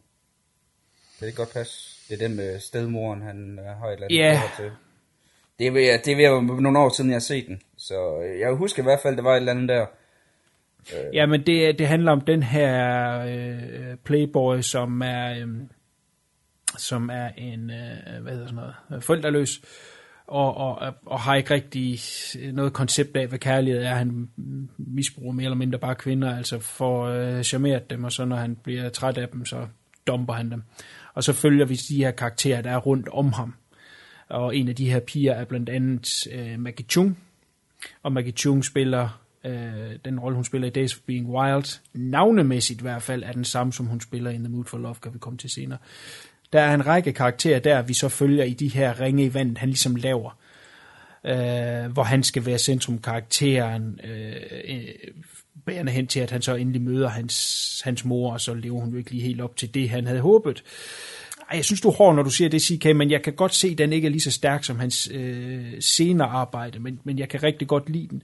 Og så Men er jeg det jo tror, det er en god film. Det er bare så mange år siden, jeg har Ja. set den nemlig. Det er det. Altså, det, er det, det, det er en af dem der med... øh, Jeg kan se, at jeg har givet den en syver, så øh, jeg må kunne lide den, da jeg så den. Men det er godt nok... Altså, der, jeg har jo set alle de her Wong Kar Wai spillefilm. Der, jeg må godt nok indrømme, det er nogle af dem, der er langt væk. Meget langt væk. Så. Mm, den har jeg Ja, set. de er i Hongkong, så det, det, det er langt. øhm, men men øh, det, som er også er et kæmpe trademark i hans tidligere film, det er, at han er en starmaker, om man vil. Altså, han har taget de her unge øh, skuespillere, øh, og det er fuldstændig sindssygt at se på sådan en altså, ny, en upcoming øh, instruktør i Days of Being Wild, med det cast, han har. Altså, han har Maggie Chung, Leslie Chung, Jackie Chung, Andy Lau, Karina Lau. Det er bare de allerstørste, der var på det tidspunkt. Alle der. laverne. Alle laverne, alle tungerne. øh, det kan godt være, det lyder latterligt, men ikke er Hongkong øh, kendt, men det er altså virkelig nogle af de, af de helt store, virkelig mm. dygtige på det tidspunkt der. Øhm, og så er det selvfølgelig også film, hvor at han første gang begynder at slibe øh, til det, der skal blive øh, klassisk Wong Kar Wai kommer så også ud og leger med noget swordsplay, og så kan du godt få en lille pedestal flue, eller uh, CK, for jeg ved, du er meget glad for uh, Ashes of Time, og du lige har genset, men han ja. laver den her swordsplay-film, som er den anden store genre i Hongkong, det med svær i stedet for pistoler, som er meget poetisk smukt, som man kender blandt andet fra Crouching Tiger og Hidden Dragon. Men uh, CK, uh, knyt nogle ord til uh, Ashes of Time. Den, jeg har set, det er øh, Redux-udgaven. Jeg har aldrig set den helt originale, men du havde jeg her for år, det ved det bedre end mig, 10 år siden, hvor at de lavede en udgave, hvor den faktisk er kortere end originalen, og så er det vel inde og lave lidt om på, øh, på farvevalg. Og det er en fantastisk flot film. Det, øh, den sidder lige i skabet, og så har den jo også de her klassiske øh, Wong Kar Wai øh, dialoger øh, henover øh, de her monologer, hvor du hører karaktererne, du kommer ind helt ind over huden. Og, altså det er sådan en, hvor man sidder og tænker, wow, den er, hvis, hvis nu Crouching Tiger havde været en fantastisk film, så havde det været Ashes of Time. Men det var også ret sjovt, fordi øh, har du set den, der hedder The Eagle Shooting Heroes? Nej, nej. Fordi nej. de har lavet samtidig med, hvor hele castet for Ashes of Time, øh, og jeg endte desværre med at se Eagles Shooting Heroes, så det er for trudt bitte lige siden, hvor at de, de var ved at gå ned om hjem filmen, hvor du så har en af skuespillerne, jeg mener det er Jeffrey øh, Chow, det kan godt være, jeg husker forkert her, hvor at de så tager øh, hele, øh, hele castet, og så laver de så en anden øh, sportsspilfilm, øh, baseret på øh, samme historie, mere eller mindre, og så lavet til en komedie med øh, abekatte, der flyver og sådan noget. Og det er, det er virkelig horribelt, men det var med til at redde filmens budget, så øh, det er en meget kuriøs lille ting, som, som findes på, på, hvad hedder det, øh, YouTube, hvis du har lyst til at se de her øh, virkelig seriøse skuespillere i Ashes Time, hvor de ligesom har et time-out for optagelserne til den, hvor de bare guffer ud og hygger sig. Og Wong Kar Wai, han er ved at lave Chunking Express i stedet for. Den er faktisk, øh, jeg vil ikke sige god på nogen måder, men det er da meget interessant at se, hvad, hvad de var nødt til at lave for at undgå at blive sindssyge, mens de lavede Ashes of Time, som jeg synes er pisse fed. Men jeg bliver nødt til, jeg hæftede mig lige ved en bemærkning. Ja, det gør jeg også. Det er simpelthen lige til at trække den frem, ikke? Det er fair nok, at uh, du ikke synes, at, uh, hvad hedder den, Crouching Tiger, Hidden Dragon er noget stort mesterværk, men, men decideret at svine den på den måde, du gør, bliver du nødt Altså, til det, jeg ved det godt. Jeg, det er, hører her, den er jo fin nok. Øh, Jeg har ikke set den mange år. Jeg tror, jeg har den på DVD et eller andet sted, så jeg skal nok se den. Jeg er sikker på, når jeg ser den igen, vil jeg nok synes, den er pissefed. Men jeg, jeg foretrækker Hero, der kom øh, det år der. Det ved jeg godt, der er vi vist lidt uenige. Jeg tror, vi har diskuteret det før. Nej, ikke, ikke nødvendigvis, men det, det, det er to forskellige bæs. Ja, men jeg, vil- jeg vil sige, jeg, jeg bliver nødt til at se den igen her, når Netflix snart udgiver The Green Destiny øh, fortsættes Åh oh, ja, til uh, Hitching. Så ser, jeg- så ser jeg den igen, og så øh, håber jeg på, at øh, jeg hygger mig helt vildt meget med den. Så, men det var bare sidste gang, jeg, jeg tror, den kom til at hænge mig lidt ud af halsen, uh, Hidden Dragon. Jamen, det er fair nok. Altså, den kan man sige, den er mere gearet til Vesten. Og den blev jo så også, øh, og det synes jeg taler til dens fordel igen, må man lige selv bestemme, hvor på skalaen man, man vælger at sætte den, ja, så længe det er den positive, øh, den positive skala. Men den blev jo Oscar-nomineret for bedste film, selvom at det ikke er en øh, amerikansk film. Så den blev både nomineret som bedste film og som bedste udlandsk film. Det er jo altså et, øh, så ved man, man har noget, man har fat i, i, i noget, der er virkelig er specielt. Jeg synes, den er super fed. Det er også en lige, der, øh, Ja, lige der er inde over jo. Altså, det, det er jo, altså, der er en, nogle dele af hans film, jeg ikke, jeg ikke, ikke er så glad for, men jeg må da indrømme, Mm. mm. han er en fantastisk god instruktør. Det er en mand, der ved, hvad han laver. Altså, det, det skal Bestemt. han have. Han, øh, det, du kan altid se hans film, fordi der er altid et eller andet interessant i dem. Det er ikke altid, de tiltaler mig, men altså, de skulle jo altid øh, et kig værd på en eller anden måde, vil jeg sige. Undtagen når det er Hulk. Ja, han har ikke lavet en Hulk-film. Jo, det han lavede hulk, den første hulk. Ja. Jo, jo, nå ja, den, uh, den har jeg mærket fortrænge. Ja. Fucking muterede pudler. Jeg hader muterede Ja. pudler. Det gør han nok også selv. Ja. Anywho, vi må have et uh, Swordsplay cast en dag, så vi kan nævne nogle af de Det der. Jeg ved også, uh, Fluen og jeg, vi har set, uh, Hvad der er at se, ja. Ja, som er, er, er fede. Ikke? Ja, men en Altså- altså, cast, det glæder jeg mig til. Ja, helt sikkert. Så skal vi se, uh, så skal vi se Swordsman 2. Det er Åh, helt oh, sikker den har jeg ikke set nu, men den glæder jeg mig lidt til. With White Hair. Ja, det er konge. Men uh, another cast. Yes. Men uh, når man ligesom har været, uh, skal man sige, så langt fra hvad man, altså det er jo sjovt, nu kigger vi jo tilbage på Wong Kar Wai og siger, okay, han lavede da godt nok et departure med den her uh, Sourceplay-film, ikke? Men, men han laver jo bagefter uh, ligesom den definerende film, det som er- bliver øh, støbeskeen til, hvad Wong Kar Wai er, nemlig som du nævnte før, Chungking Express, som også kommer i 94, som øh, er jo fantastisk film. Altså ja. helt vanvittig smuk. Her begynder han med det her med øh, øh, virkelig det poetiske. Også en ting, jeg elsker ved hans film, det er det her med at, at have detaljer, som er, er så rige, øh, hvis man ikke øh, hvis man sidder og, og, og halvsover, eller sidder med sin telefon samtidig med, at man ser den, så vil man ikke fange det, eller ikke forstå øh, ideen i det. Øh, en, en ting, jeg virkelig elsker i Chongqing Express, øh, en film, der handler om den her gruppe mennesker, som på en eller anden måde igen krydser hinanden på, ja, på kryds og på tværs, øh, og så har de de her kærlighedsproblemer. Øh, og der følger vi blandt andet den her mand, som har mistet hans kæreste, og så græder han hele tiden, og så i den her voiceover, som øh, CK også nævnte før, tit er med i, i hans film, så, så siger han, at, at lejligheden græder også, og så ser man den her karklud, der hænger hen over vasken, og så drypper den. Oh. Og så siger han, se karkluden, den græder også. Ikke? Og det, det lyder måske lidt patetisk, men det virker bare i hans film så fantastisk smukt på en eller anden måde. Ikke? Øh, samtidig med, at der er masser af humor i. Øh, og derefter, der har han jo nærmest slag i slag øh, rigtig fede film. Og så kommer vi så 2000, hvor han nok laver hans, hans mesterværk, som er i hvert fald PT, uh, In the Mood for Love. Der kommer en øh, opfølger til den, som hedder øh, 2046, som vi også kommer til at strejfe senere. Og så ryger han også en tur til Amerika, hvor han laver øh, My Blueberry Nights, som ikke blev så vel modtaget, men jeg kan rigtig godt lide den alligevel. Den er faktisk god. Jeg er for en gang Ja, det synes jeg enig med også. dig. Det, jeg havde også det, den er jo med Noah Jones i hovedrollen, som jo Ja, lige nok det. virkelig var helt oppe at køre med hendes sangkarriere på det tidspunkt. Mhm. Mm-hmm. Og jeg havde også lidt med den, at, øh, at åh, det, folk snakkede så negativt om den, men dem, som snakkede negativt om den, var jo folk, der så på grund Noah Jones, og ikke vidste, det var en Wong Kar-wai-film. Og Ja. hvis du er Wong Kar-wai-fan, så er så lever den op til standarden. Altså, den er høj kvalitet. Jude Law mm. til at holde ud også. Ja. Jeg synes, det var fedt. Jamen, det vil jeg helt sikkert også anbefale. Og hvis man lige er, uh, uh Hongkong-kinesisk film, og sådan, hvordan kommer jeg lige ind i det, og hvorfor skal jeg finde det hen, og sådan noget, så er uh, My Blueberry Nights et godt sted lige at få en introduktion til Wong Kar Wai, før man kaster sig ud i andet. Så det vil jeg helt Og sikkert jeg anbefale. mener også, den er på Netflix. Hvis det er. Jeg er ikke helt sikker, men jeg tror faktisk, den er der. Er den sikkert. Så.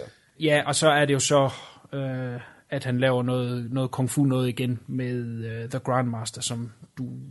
CK, var du glad for den, eller hvad? Jeg kan sgu ikke lige huske. Mm, nej, jeg var lunken. Var du lunken? Okay. Øh, det er en af dem, jeg overvejer at se igen, fordi øh, den har alle de der ting, du kender for en Wong Kar Wai film. Jeg, jeg, jeg var bare sådan, jeg kan ikke huske, hvorfor jeg var lunken over for den. Jeg var ikke sådan, jeg var ikke ked af den, men jeg var heller ikke sådan helt, ja, jamen det er også det, man har jo store forventninger, når man ser en, en Wong Kar Wai film. Så Ja. jeg får den lige set igen, og så, så prøver jeg at se, om jeg har ændret holdning til den. Det håber jeg, at jeg har. Jeg var sådan, jeg var bare, åh, jeg havde forventet lidt mere. Ja, men altså, øh, igen, jeg, jeg vil give dig ret i det, og øh, visuelt igen imponerende. Der kom bare en bølge af de her Ip Man-film lige oven i hinanden. jeg tror, det er og det, på en eller anden måde, så synes jeg, da jeg så uh, The Grandmaster, så var det ligesom om, uh, jeg har hørt historien. Ja. Jeg altså forstår, den, den var ligesom ikke uh, aktuel længere, selvom at den har masser af ting at byde på, så jeg var ligesom blevet mættet af det andet. Ja, det der Donnie. Yen-film, og hvad der ellers kom Ja. ja. der. Øh, ham den rigtig fede, altid med i Johnny Toe-film, jeg ikke kan huske, hvad han havde jo også en med en aldrende Jep Mann også. Om det var- Uh, Lam Sweat. Lam Sweat, ja. Øh, jeg tror måske, at vi har snakket om at zombie ud, for eksempel. Jeg tror, at Ip Man Ja. er ude på et tidspunkt. Jeg tror jeg også, jeg har nævnt på en anden podcast. Ip Man ud. Ja. Ip man ud. Og der kom, var der 10 eller sådan en eller anden fuldstændig vanvittigt på kom tre år. Det var sygt. Alle Altså, mulige afskygninger, ja. Ja. Jeg har ikke lige fået set The Grandmaster det endnu, desværre. Så. Øh, nej, men det, altså, jeg vil gerne anbefale. Det er jo ikke, den er ikke spild af tid at se. Nej, nej. Og det er øh, den seneste, han har lavet. Han har en på øh, beding, der hedder Blossoms. Mm. Så må vi se. Øh, er det ikke også The Ferryman, der også er på vej? Eller er det den Øh, samme film? den er han i hvert fald krediteret til at være manuskriptforfatter på, men okay. er pt. ikke uh, in, in productions. Okay. Han har lavet utrolig meget tv, kan jeg se. Kort film til tv. Han kortfilm. laver mange kortfilm, ja, Ja. ja, som jeg så også har smidt op på vores fjes. Som man Og rigtig mange reklamer også. Mhm. Ja, reklame. Og der er nogle de fordi, han ting, har den her meget visuelle stil. Og der er nogle af de ting, som er på, på Facebook, eller ikke Facebook, det, eller det der er på IMDb, der er et par af dem, det er bare reklamefilm på mm. 30 sekunder. Hvilket jeg synes er lidt sært, at man har reklamefilm på en instruktørs øh, side. Det, det, har du også for eksempel med, hvad hedder Nikolaj Vindegriffen, der har du også en reklamefilm på 10 sekunder, hvor det, okay, det er så også åbenbart en del af hans filmografi. Det forstår jeg ikke. Men det er et andet snak. Nu skal jeg nok være med at prøve på at komme med flere sidespring. Apropos ja. In the Mood for Love. Yes, det er i orden. Fluen. Kan du huske Savior of the Soul øh, ja. med Aaron Quo? Ja. Det er super sjovt. Det, jeg ser, ser bare lige, at uh, den har han også skrevet. Den er sat måske. Fandme en fed film. Ja. Godt. Jamen, øh, det var jo lige introduktionen til den her mand, Wong Kar Wai, som jeg ikke har hørt om før. Og der er altså film ind imellem, som helt klart er værd at nævne. Øh, der er øh, en, der hedder Happy Together, som er fra 97, som øh, jeg så i biografen til en bøsse- og lesbisk festival i Aarhus. Så, så kan man regne ud, hvad den handler om. Så han lavet en Der var jeg med. Ja, det er vist rigtigt. Uh, Fallen Angels, som jeg også er super glad for, fra 95, som også er uh, super sjov og klassisk Wong Kar Wai. Så uh, a lot Ja, of good things. Og for at vende tilbage til Happy Together, jeg mener også, at den vandt en øh, de gyldne palmer, eller var det bare for bedste instruktør? Den vandt i hvert fald en de der Cannes-priser der. Så... Jeg tror, det var for instruktør. Og det instruktør, og så, ja. og så vinder øh, øh, vores gode ven øh, Tony Leung vinder for bedste skuespiller til okay. 2046, hvis jeg husker helt Yes. galt. Cool. Så, øh, så, så anset i Europa også som en, øh, en vigtig instruktør. Yes, In the Mood for Love, som er jo den film, vi skal snakke om nu, det er en spøjs historie, den film har været igennem, og er, øh, starter et sted og er sluttet et helt andet sted. Øh, for de folk, der var med på filmen, var det nogle gange meget hårde prøvelser, fordi Wong Kar Wai er en instruktør, som Uh, som han selv siger, han er doven. Han gider ikke at skrive filmmanuskripter rigtigt. Han vil bare hellere bare finde på, finde nogle fede locations, og så ud af det kommer filmen ligesom. Så det vil sige, det er meget noget fra dag til dag, hvad man skal lave, hvad man skyder, og hvad er min karakter egentlig. Nogle gange var det bare få linjer, man fik, og det er din karakter, ikke? Altså, hvad fanden handler filmen egentlig om? Og, og det har været hårdt for nogen, og bare det, at filmen egentlig startede in production som noget helt andet, hvor det skulle være tre historier omkring mad, og så var der en af de historier, som han bedre kunne lide end de andre, og så tog han ligesom den ud og, og lavede til uh, In the Mood for Love. Det startede med at hedde Secrets, som også er en stor del af filmen, og især uh, slutsekvensen. Og, og så lige inden mere eller mindre, at, uh, at filmen skal til at være færdig, så hører han den her plade af Brian Ferry med den her sang, der hedder In the Mood for Love som også med i traileren, og sådan meget kende. I dag sætter man den 100% i forbindelse med den her film, men til at starte med havde han intet med den at gøre. Og så hørte han det her nummer, og så var det bare, hold kæft mand, det nummer, det skal med, og det skal den hedde. Og det har han faktisk haft flere gange, øh, de her sange, som han vælger, øh, øh, hvad er det, den hedder, den Roy Orbison sang, der er med i øh, Chungking Express, hvad er det, den hedder? Okay, cool. Men øh, As Chilcoe Spice, det er jo også en øh, Rolling Stones sang, ja. Ja, det er jo nemt, ja, det er det.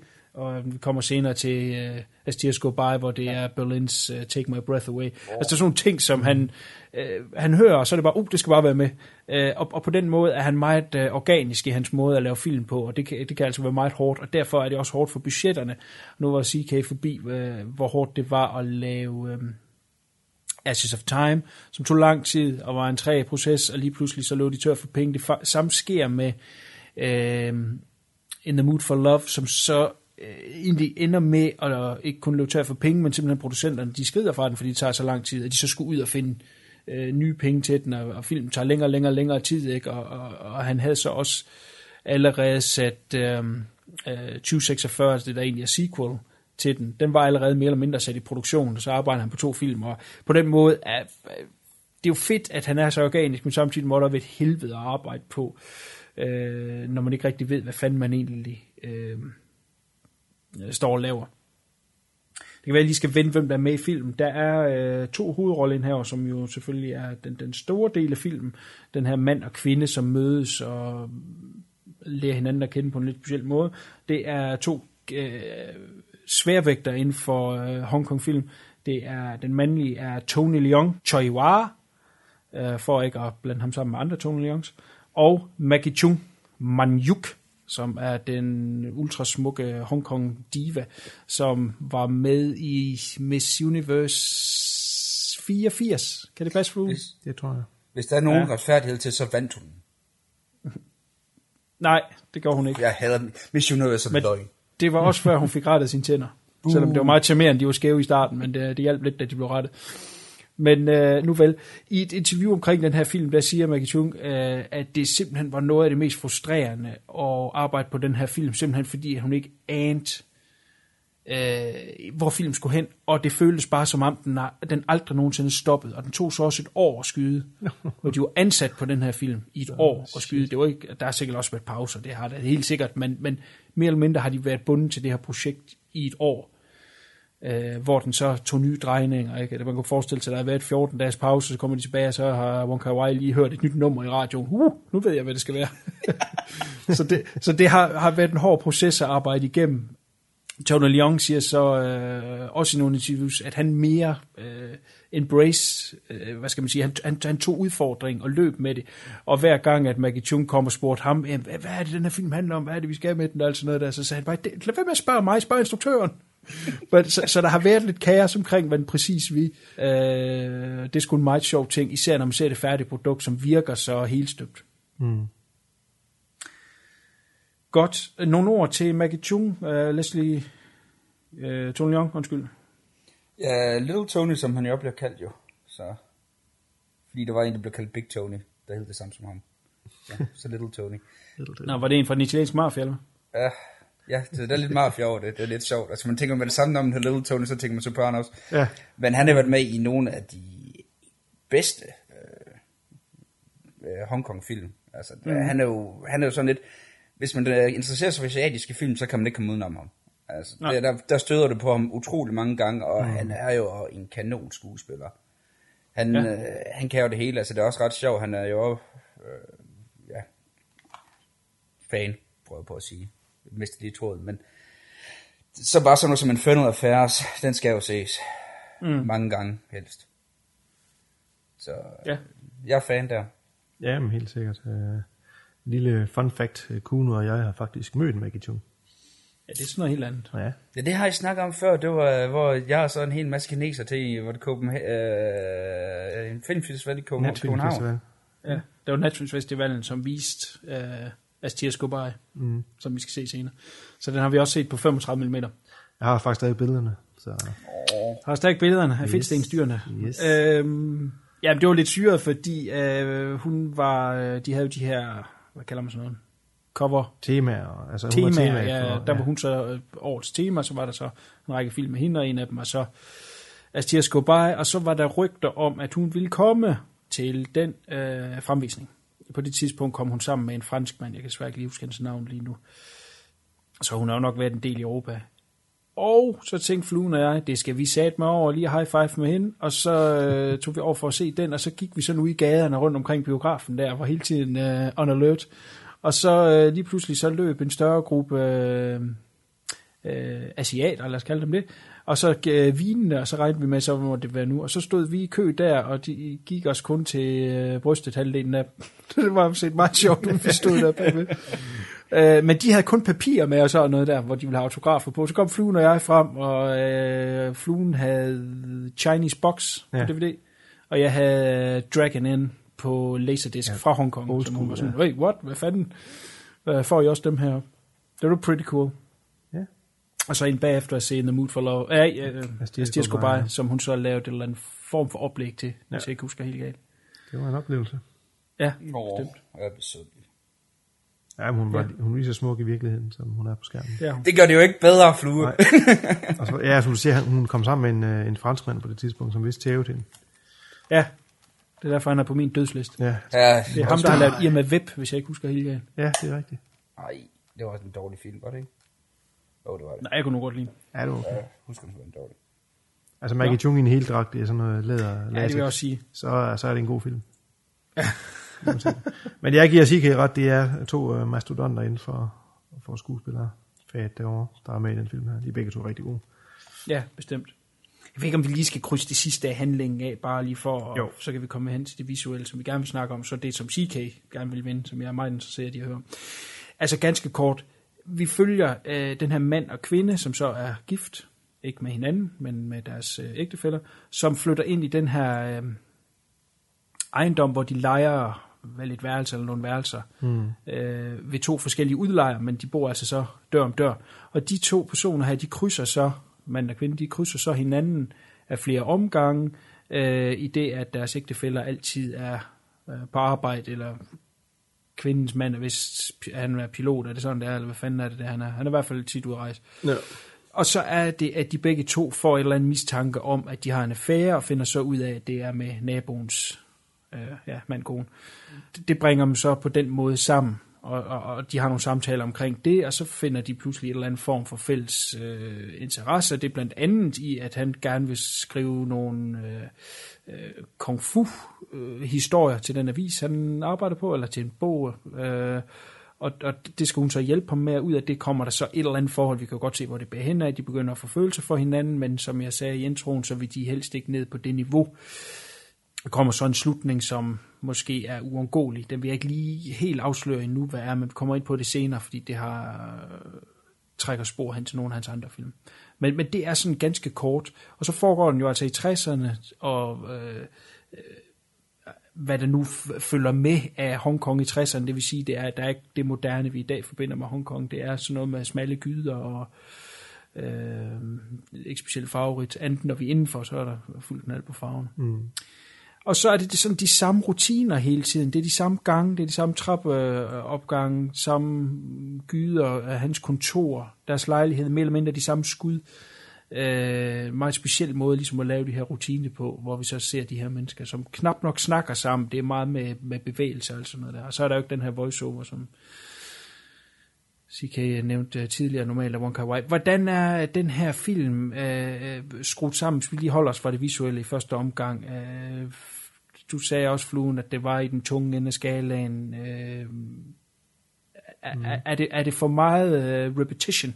Det synes jeg ikke, fordi at, øh, det du siger med, at det er de samme locations og går igen, ikke? men det bliver aldrig noget, på noget tidspunkt kedeligt, fordi øh, det, der er i billedet, er hele tiden spændende i en måde, både i form og farver, og den måde, han komplicerer, komplicerer de her øh, billeder på. Altså, der er meget med måden forgrund og baggrund hele tiden er i spil, øh, og, det, og det er gennemtænkt. Man kan se hver eneste scene, hver eneste skud, der har han tænkt over, hvordan øh, der er meget med kamera, der kommer til siden, og på et tidspunkt kommer de gående ud i en gyde, hvor de går forbi et hegn, og så når hegnet øh, er der mur, så er der, så er der sort frame i måske to sekunder, ud igen, og så er der trammer, sort frame igen. Altså det hele tiden er et eller andet på spil, både i forgrund og baggrund, og det gør, at jeg synes ikke på noget tidspunkt, at billedsiden bliver, bliver kedelig at kigge på.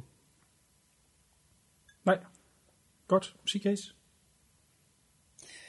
Ja, men det er jo også, også øh, som, som fluen er inde på, det er, at det er jo sådan, altså billedsiden bliver jo aldrig kedelig på den måde, men jeg, den er heller ikke så, så showy, som der er ved nogen, hvis jeg forstår, hvad jeg mener, som der er ved nogle af de andre film, hvor mm. øh, øh, Christopher Doyle havde været fotograf på langt de fleste Kawai Wong-film. Og... Hvem siger du? Wong Kar Wai, jeg ved det ikke. Jeg, jeg, ja, det er jo, jeg ved at sove lidt nu. Det, det er lidt fordi, du bytter altid rundt på Kar Wai Wong og Wong Kar Wai. Altså det er sådan lidt alt efter, hvad for en del af verden du er i, så, så er det jo sådan lidt forskelligt. Så jeg roder også selv lidt, jeg roder lidt rundt. Men det er også lidt den der med, hvor at, hvor at man havde jo sådan med de andre øh, øh Carver film, hvor at du havde den der med, at de var meget grovkornede, sådan noget som Chunkin Express, Fallen Angels og, og sådan noget. Og så når man ser den her, så bliver man også overrasket over, hvor ren den er. Altså med de her meget lyse farver, hvis du øh, ser på mange af hans andre film, hvordan de er sådan meget mørke i det, har en, en lidt mere sådan mere sorttonet, hvor den her, den er jo lys næsten hele tiden. De har jo de her øh, lyse lokaler, og, og den får også måske en, en anden følelse, man normalt har. Altså det, øh, og det er det, jeg synes er sådan meget interessant, også der, hvor den lidt skiller sig ud, det er, at den, den har nogle detaljer, som, som gør, at at selvfølgelig er det en, en kawaii-film, men den har også bare lidt det der med, hvor at det føles som noget andet, end det, at meget af det andet, han har lavet, hvis jeg forstår, hvad jeg mener. Altså de der detaljer der, der gør det. Øh, hvis du forstår, hvad Altså se for eksempel, jo, hvis, øh, hvis du ser på to øh, forestillelser til den her øh, 2046, den er jo meget mørk og dyster øh, filmet. Øh, meget mørkt. Øh, næsten tilbage på det grovkornet igen. Ja, og, og det er lidt der, altså, så der er nogle, nogle, nogle, nogle små detaljer i det rent visuelle også, altså, som meget, jeg synes. Ja, den er meget stilren og, og, og rolig i forhold til nogle af de her uh, shot ting, han bruger i, i mange af hans film.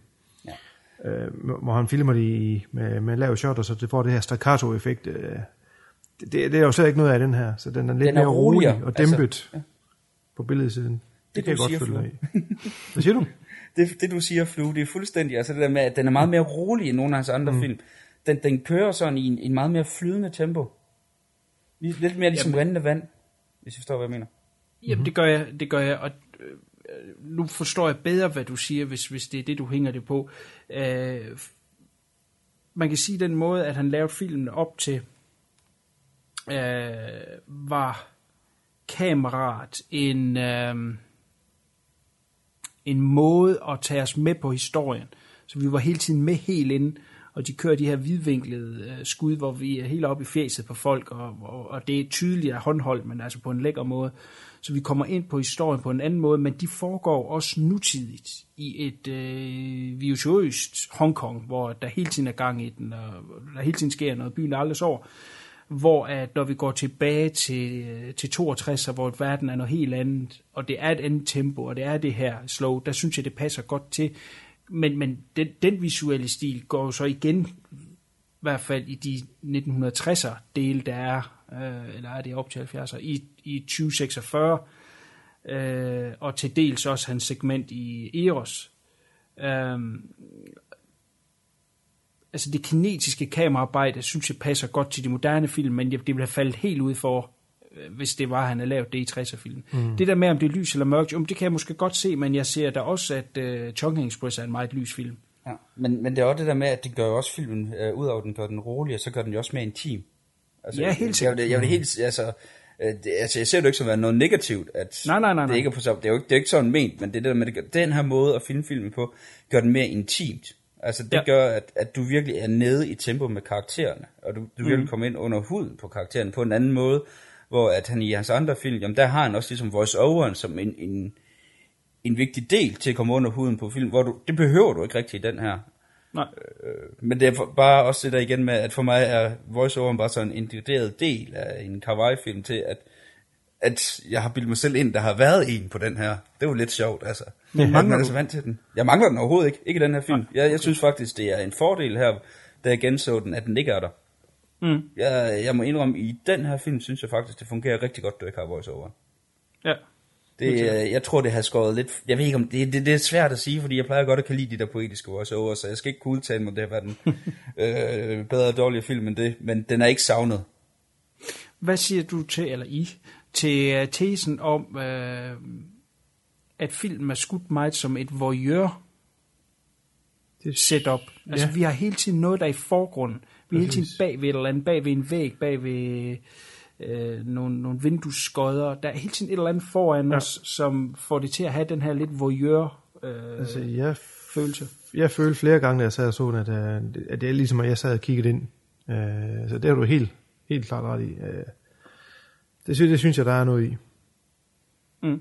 Og det er også det, at det er med til at fremhæve det lidt intime. Mm. Altså, det der med, ja, det er forbudt, at vi, vi står og kigger ind på noget, der, ja. der er intimt. Ja, det der med, at man måske nogle gange har man mest lyst til at kigge lidt væk, fordi man synes, det er blodfærdighedskrænkende. Mm. Men det forklarer jo også meget det, han gerne vil for mig, hvad han gerne vil med den her film, med, at de er jo to mennesker, som jo har svært ved at, at komme med deres kærlighed, fordi at de er jo blodfærdige. Altså, de har jo de mm. her normer, de lever efter, hvor at de, har jo, de har jo begge to en form for moralkodex i, uh, i, i den her film, som, som så gør, at de ikke kan være sammen. Og det er jo det, jeg synes, der er helt vildt fedt. Og der fungerer også den der øh, form for voyeurisme, som du er inde på der. Med mm. at, at det er jo det, de er imod, og de prøver hele tiden på at have facaderne op, og så en, en gang imellem, så, altså bare sådan noget som den scene, hvor hun laver sennepsuppe for eksempel til ham. Allerede der, altså det er jo noget så intimt, som hun laver den her kæmpe store skål sennepsuppe. Mm. Øh, som en form for, for kærlighedserklæring, uden at det bare er simpelthen, hun laver bare mad til en mand, som er sulten. Øh, det burde ikke være mere end det, det, men det går jo hen og bliver sådan en, en, en, en rigtig fed erklæring, og det synes jeg jo er fedt. Altså det er alle de her små ting, du, du er nødt til at se det i. Altså fordi aller, aller første gang jeg så en Mood for Love, var jeg ikke in the mood for, skal vi ikke bare sige det sådan. Og så har man set nogle gange her i løbet af åren, og så er det, man begynder at se alle de her fede detaljer, øh, som jo gør filmen fantastisk. Ja. Men det læner sig vel også meget godt op af filmens originale titel, som var Secrets. Altså ja. der er de her hemmeligheder. Ja. Helt sikkert. Og det, det er, er en af de årsager til, at jeg synes, den er så fantastisk, er jo, at det er, og jeg har nævnt 60 gange før, stor fan af Pure Cinema, at det bliver fortalt ufattelig meget i det visuelle. Og det er også derfor, der er ikke, der er ikke ret meget dialog. Der er den voiceover, som vi har snakket om, som er manglende i den her film. Og så er det altså bevægelser af kamera kontra, og i samarbejde med øh, bevægelserne af skuespillerne, som kan bare være at de står ved siden af hinanden, og så lige ærer med en finger på hånden af, af, af den, der står ved siden. Der er sådan nogle ting, der vi fortæller det hele i billeder, øh, som kameraet bevæger sig, og som skuespiller bevæger sig. Det synes jeg er fantastisk. Det elsker jeg, den her film for. Jamen, helt sikkert. Men det er ret sjovt også, øh, en anden ting, jeg tænkte på, det er, at ved de andre, nogle af de andre Carl film det er jo også sådan lidt, der, der er jo flere øh, historier blandet ind i en, hvor du ofte har en to-tre historier kørende, her er også en af grunden til, at det måske bliver sin team, det er, at han kun har fokuset et sted. Altså, mm. du har øh, nogle få karakterer i baggrunden, som for eksempel øh, hende, der ejer huset, og du har også en spilleglade, øh, meget liderlige arbejdskollega også, øh, som render rundt i baggrunden. Øh, han er faktisk lidt sjov. Men, men det er lidt det der med, at der er ikke så meget, der, øh, der går i vejen den her gang, som der nogle gange kan være i, i hans film.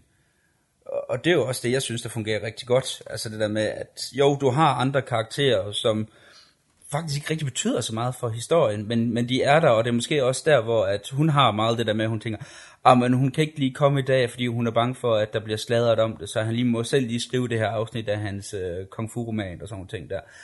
Og, og så nu synes jeg var fedt, altså det er hele mm. det med, at, at de er meget afhængige af andre menneskers synspunkter, men du ser, det også, du ser jo aldrig ægtefælderne. Nej. De er der ikke. Altså, detalje. og, og, det, og det er det der hele tiden er det der med, at du har mere eller mindre kun de her to personer om en stor del af filmen, men det er hvad alle andre tænker om de her to personer af filmen, der forhindrer, at de kan være sammen. Og det synes jeg jo er en, en helt vild fed, det er jo nærmest et paradoks, altså, at du har noget, hvor det er så rent, men så hvad alle andre tænker, det gør det ødelagt, men, men du ser ikke rigtigt, hvad det er, det alle de andre tænker, og, og det bliver heller aldrig sådan meget antydet af, at hun kommer med nogle øh, sådan øh, tydelige bemærkninger, hvad hedder hun, øh, det hende, der ejer huset der. Altså, det er sådan mm. meget som, hvad de selv gør det til, og det er det, jeg synes, der er fedt. Altså, det hele lever i deres egen lille univers, hvis I forstår, hvad ja. jeg mener. Ja, helt sikkert. Og det er også meget godt underbygget af de her meget tætte skud, som også er i små locations. Ja. Så vi er, vi er meget afskåret. Vi er ikke sådan ude på store åbne pladser og sådan noget. Jo, det kommer vi til allersidst i slutscenen. Men øh, ja, helt sikkert. Øh, nu nævnte jeg Days of Being Wild som værende en form for prequel til den her, øh, eller prequel, den var forløber til den her. Øh, Tony Leung har også en lille rolle i Days of Being Wild, hvor han så har samme navn som her i, men jeg synes ikke, at de passer sammen øh, som film på den måde, fordi de er meget forskellige, og karaktererne kan man ikke lige sådan, åh oh ja, det er selvfølgelig Maggie Chungs øh, rolle fra den film, fordi hun er meget anderledes i den her, øh, end hun er i... Øh, in Days of Being Wild. Men, øh, men det er set lidt som en, en trilogi med den her, og så slutter lidt uh, 2046. Men jeg må sige, jeg blev forvirret dengang, hvor det sådan lidt, hvad? Hvor, hvor, hvor, hvorfor, er det, hvorfor er det en del af en trilogi, uh, Days of Being Wild, for sådan lidt? Uh, Udover den foregår i 60'erne. Jeg kan sgu ikke se den helt store... Uh, nej, nej. Det prøver på at blive underbygget lidt bedre i uh, 2046 med at, mm. at hentyde på givenheder blandt, blandt alle tre film sammen. Men jeg var sådan lidt, jeg havde sgu ikke sat lighedstegn mellem The Mood for Love og Days of Being Wild, det havde jeg simpelthen ikke. Nej, men det er også fordi, de to karakterer slet ikke har noget med hinanden at gøre i, i Days of Being Wild. Ja. De har aldrig nogen scener sammen, så det er lidt underligt, men uh, nu vel. Yes, men så kan vi snige os hen mod den her slutning, der er i film. Og det er ikke fordi, det er sådan en stor twist-slutning, så altså, alt er ødelagt, hvis det er, man hører det her. Men jeg selvfølgelig kraftigt anbefaler, at man ser filmen, før vi, vi går derhen og, og lige får det sidste med. Øh, deres kærlighed er jo som sagt lidt øh, doomed, inden det kommer i gang. Øh, vores hovedperson har for, øh, mandlig hovedperson får tilbudt et øh, job i Singapore, mener jeg der, og øh, tilbyder, at hun kan tage med.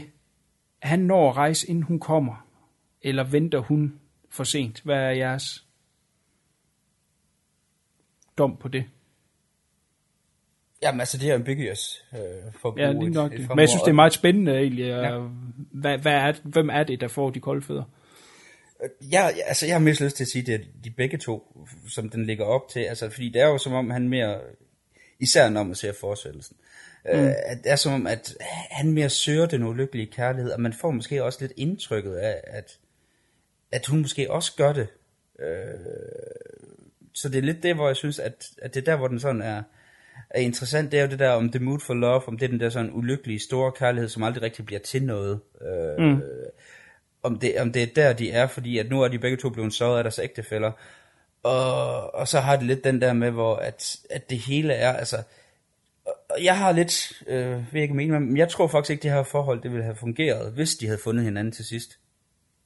Fordi at det, som også mange scener, du ser i filmen, det er jo det der med, hvor det hele tiden tager udgangspunkt i, jamen hvordan, er, øh, ægte, hvordan har ægtefælderne været sammen? Altså hvad vil de have spist sammen, og hvordan vil de reagere, hvis ægtefælden, øh, hvis jeg konfronterede ægtefælden med deres utroskab og sådan nogle ting der. Så jeg, jeg tror måske mere også bare, det er en form for rebound. Øh, det der med, at de bruger det her til ligesom at komme videre, og så med det samme, det går hen og bliver for seriøst for den. Og så bliver, er de bange for at såre hinanden igen, eller såre sig selv, øh, og fordi de er jo utrolig sårbare, begge de her karakterer her.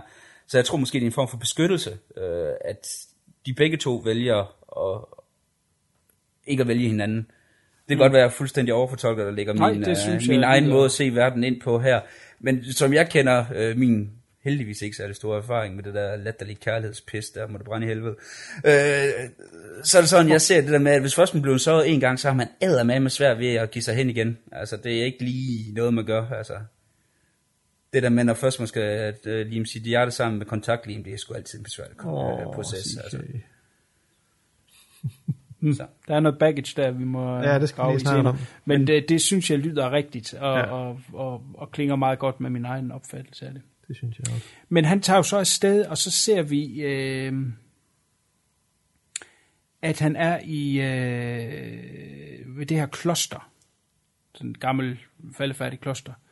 Hvor at øh, man kan tage hen, og så kan man viske sine hemmeligheder ind i et hul, og så kan man dække hullet til, og så efterlader man ligesom en form for syndsforladelse, om man vil, og så er ens hemmelighed altid holdt. Det er noget, som går igen i flere af hans film, blandt andet også med i uh, Happy Together, der er den historien godt nok lige en tand anderledes, der er det, hvor man tager ned til verdens ende, og så kan man råbe sine hemmeligheder ud, og så bliver man ligesom frigivet for dem.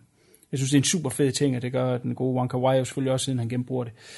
Der kommer lige en, en Curland slutning, hvor at han kommer tilbage, det er både ham og kvinden kommer tilbage til det samme lejlighedskompleks, og egentlig går glip af hinanden, uden at vide, at øh, hinanden er der. Men, øh, men, men selve slutningen på, øh, på klosteret, der synes jeg, og der er vi ude for, i dagslys og store pladser, og det i forhold til noget af det, vi snakkede om tidligere. Jeg synes, det er en pisse fed øh, slutning, og nogle fede images, der er i, i det slot der. Eller øh, Ja, det giver jo også et, øh, noget billedligt, billedligt øh, symbolik, det der med, at, at man ikke, at de måske ikke føler sig så indeklemt længere, eller så indelukket, mm. og at nu har han stået med hans hemmeligheder og visket dem ind der, og nu er det hele åbent for ham. Øh, Ja, og dagslys. Altså, ja, og dagslys, altså det er, det er meget, meget, meget symbolsk. Ja. Øh, der må det skudt på. Det er for øvrigt Thailand, de tager til. Det er mig, der har råd. Ah, det ja. er Thailand. Ja, helt sikkert. CK, Jamen, jeg er enig. det er godt. Det er dejligt. Det er dejligt. Øh, og så er det jo, de går glip af hinanden til sidst. Der er så øh, gået nogle år. Øh, kvinden kommer tilbage og ligesom overtager øh, den, den lejlighed, hun originalt lejede sig ind i af, af udlejer, for hun skal til Amerika, tror jeg, og prøve lykken der. Og øh, der har hun en, øh, et barn, ikke? som en datter eller en søn. Øh, øh, hvem, er, hun er kommet videre, men stadigvæk single. Hvad, Ja, hvad, hvad lærer enlig man af det? Hvad? Ja, enlig mor. Ja, egentlig mor, ja. Ja, lige nok. Men altså, i forhold til, nu sagde jeg CK, det er så flot før, så det er egentlig bare en gentagelse med ulykkelig kærlighed. Øh, ender tilbage til stedet, hvor det hele er sammen. Det er jo selvfølgelig er noget nostalgi, mm. må man gå ud fra, at hun vælger at overtage det sted. Men det er jo også det der med sådan lidt at holde sig fast i fortiden. Ja, som, nok. ja, som faktisk er ret sjovt. Det er også et gennemgående tema i, uh, i nogle af hans film. Uh, også det der med, at, at, at de har, du nævnte selv med Chunkin Express, hvor at du har, han, uh, efter, efter kæresten har forladt ham, så græder lejligheden. Du har det også i Blueberry Nights med Noah, uh, Noah Jones' karakter, som jo også har den her ekskæreste der, hun, hun er på jagt efter. Det er tit det der med også at skal give slip for fortiden. Også Ashes of Time for eksempel. Det er jo også mere eller mindre bare en historie om et knust, kær- øh, knust hjerte. Mm. Og det er jo lidt det, altså det er jo de her tematikker, der hele tiden kører igen i, Ja. ja. i hans film. Også i Chunking Express med politimanden, som har mistet hans kæreste May, som havde fødselsdag 1. maj, og så er det, at han køber de her ananas, som har udløbsdato 1. maj, også ja. efter 1. maj, fordi det er et eller andet, han er knyttet til, han sidder og brækker sig bagefter, fordi de er dårlige og fordærve. det er bare et eller andet, det skal han bare gøre. Ja. Det er også skørt. Uh, ja, Ja, men det er jo som en altså, filmens tematikker, som du også siger, TK, det er jo en film om tabt kærlighed, men også, også uforløst kærlighed, det kan vi jo se. Altså, du snakker om, at hun er, hun er stadigvæk single, og, og, og kommer tilbage til det her sted, hvor hun har det her nostalgi, og måske minder om det her, what if, hvad kunne der have været, uh, hvad kunne jeg have fundet af kærlighed, Mm. det synes jeg, den gør rigtig godt. Helt sikkert. Bestemt, bestemt. Øh, ganske kort øh, kommer der jo en sequel til den her, om man vil, der hedder 2046, den kommer fire år efter. Øh, CK, hvad er 2046 for en størrelse? Jamen der følger du jo øh, Tony Youngs karakter igen, hvor at han jo så gået hen og blevet forfatter i, i mellemtiden.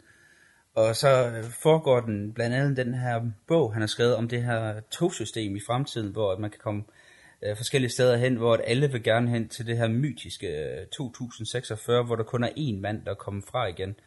Og så krydsklipper den så også, hvor at du følger ham i, i hans samtid der i 60'erne, samtidig med at du har den her øh, sci-fi historie, og så har du også nogle andre historier blandt andet også. Det, øh, der er han tilbage til, hvor jeg kender sådan en Kai Wei med, at han har mange, mange ting, han godt vil øh, have udforsket i, i et narrativ. Mm. Ja, helt sikkert. Hvordan vil du benchmark den op mod... Uh, det ved jeg godt, man ikke skal, men alligevel gør man jo på en eller anden måde. Ja, jeg vil måske sige, den... Øh, for så vidt, så er det jo en fin film. Altså, der, den, er, den er fin nok. Altså, det, den er jo ikke på højde, den her. Det, det synes Nå. jeg ikke. Altså, det, det, det, øh, men den er fin, øh, og det, det er ret fedt at møde de her karakterer igen, og det er også, de, de er jo rare sammen med, og arbejde det der med den nye måde at tænke det på, og se, jamen, hvad er der sket øh, af udvikling af karaktererne? Er der sket en udvikling af karaktererne? Og, og det er jo også noget, jeg synes, der er meget interessant, at han, han vælger at, at, at fortsætte den her storyline her. Mm. Altså, jeg vil give dig ret langt hen ad vejen. Jeg var mega forvirret første gang, jeg så den. Fordi den er... Øh, altså, i, i, i samtiden, i nutiden, om man vil, den, hvor den foregår i dag i 60'erne, er den jo meget lig egentlig, uh, In the Mood for Love. Og så er der de her fremtidsting.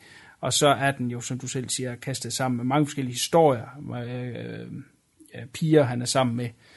Øh, han er blevet sådan lidt en playboy type, og vi følger mange af de her på kryds og på tværs af hinanden, og så er vi i fremtiden, og meget sci-fi-agtige. Og det, det er sådan lidt en prøvelse første gang, ikke? Det nødvendigvis er negativt. Øh, jeg blev nok mere intrigued og tænkte, den må jeg se igen, og ud af ja. det har jeg ligesom fået et forhold til den, men den kræver mere af dig. Ja, og der ser man også det der med Days of Being Wild, hvor han jo går hen og bliver den der karakter, som hovedpersonen i Days of Being Wild er. Så ja. der begynder du at kan få trådene igen til mm. måske se, hvorfor er, kan, kan du regne Days of Being Wild som en del af teologien, men, men det kan du ikke, hvis du bare ser den, og så In the Mood for Love, så bliver man bare forvirret, men den sidste film, der binder det hele sammen øh, ja. på en ret fin måde. Ja, bestemt. Fluen, er det, har du været forbi 2016? Jeg har desværre ikke fået set det endnu. Det, men Nej. det lyder til, at det Der er mange teorier omkring titlen.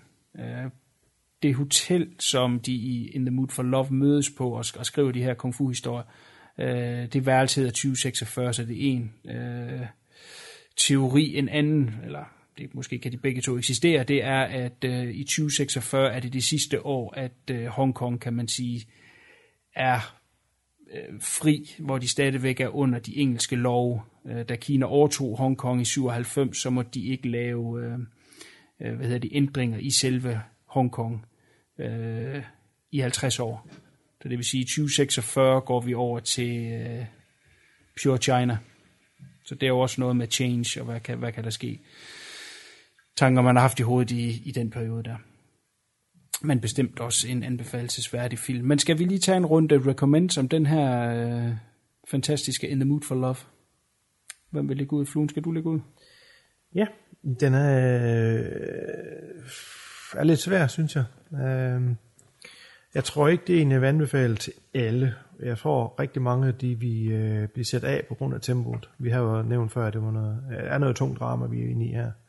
Men for dem, der gerne vil have sådan lidt mere, hvad sige, lidt anderledes kærlighedsfilm, som, der ikke har den her forcerede kærlighedshistorie og personer, men derimod det føles lidt mere ægte, så tror jeg, at man øh, skal give den en chance. Det er en meget smuk film på mere end, på mere end en måde, men altså, den er altså også tung, for hvis man ikke lige er, er forberedt. True. Og tak. Onkel C-Case. Jamen, det er, det er jo lidt... Øh for at sætte, for at sætte samme sprog. Man skal være lidt in the mood for det. Altså, mm. det, er, det, altså, det er en film, man skal være humør til at se. Ja. Uh, man skal helst være sådan en, en lille smule triste måde og sådan lidt. Og så, sådan der, fordi det var sådan en, der for første gang, jeg prøvede på at se den. Jamen, det var også, det var, det var lidt oppe i bakke, og så er det så senere hen, at det er gået hen og blev en, af, en, en, for mig en fantastisk film. Det er også det der med, at det er en af dem, når man ikke ved, hvad man går ind til, så er det lige, at man skal tage en dyb indånding, og når man har en idé om, hvad det er for en type film, og hvordan man har det med den type film. Og man så siger, okay, jeg kan sagtens holde til at se den nu, eller okay, jeg skal måske lige vente et par måneder, inden jeg øh, starter med at se den igen, og så, og så ser den. Altså det, det er sådan en, hvor at, øh, lyder det fuldstændig forkert at sige, at man skal føle den. Nå, At man skal hvad? Man skal føle den. Altså det, øh, Nej, nej. Altså Nej, det nej. der med, det, det er sådan en film, man skal føle, og Ja, hvis ja. du... Øh, øh, du er kommet træt hjem fra arbejde, og du helst bare vil se et eller andet med noget tubang, så skal du ikke. Det er sådan en film, du... Øh, jeg har en arbejdskollega, der, der mobber mig med min film øh, smag ved at sige, at mange af de film, jeg ser, det er noget, man skal smage på. Altså som at øh, det er noget til farsi pjat, og det er det nok også meget, det vi ser. Men det er også bare lidt, det her, det er, øh, og jeg vil bruge det udtryk positivt forstand, det er sgu en film, man skal smage på. Altså Jamen, det, er, hier. det, det er sådan, jeg har det med den. Ja, men det er et fint sted at forlade den, fordi det vil jeg gerne tage op lige nuagtigt. Det er det. Øh, det, det, det er selvfølgelig, den kræver lidt af dig som, som, som ser. Og, og man skal også investere sig i den, og det var, tror jeg også, jeg nævnte tidligere, hvis man sidder med en telefon samtidig, jamen, så vil man mange ting flyve over hovedet på en. Man skal skulle lige sidde og være koncentreret. Øh, nogenlunde lige følge med i, hvad de forskellige navne er, hvad de refererer til, for ellers kan man sgu godt lige blive hægtet af.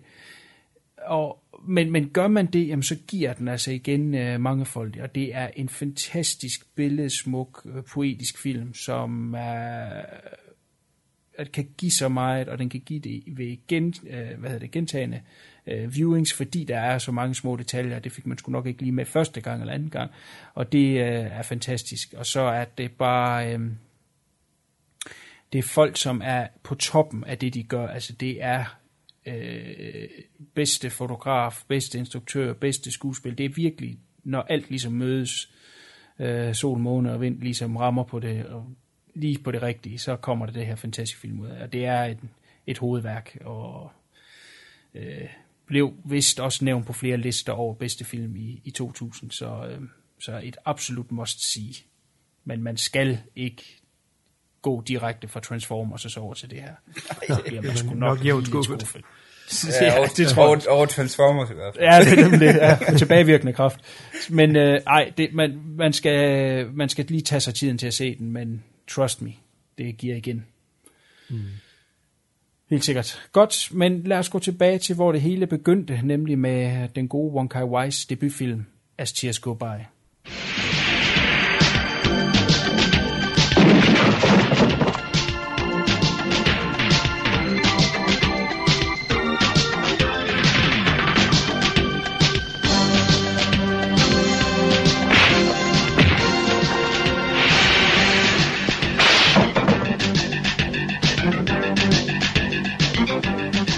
你要應承我，唔好再同人撒氣啦，唔通呢世鹹魚青菜就算咩？冇咩？你兩條友仔想喺我哋出蠱惑，多多唔夠死啊！玩嘢，我分分鐘奉陪，佢攞嚟衰咋？睇佢點死！喺旺角呢區，我就係法律，冇穿一笨。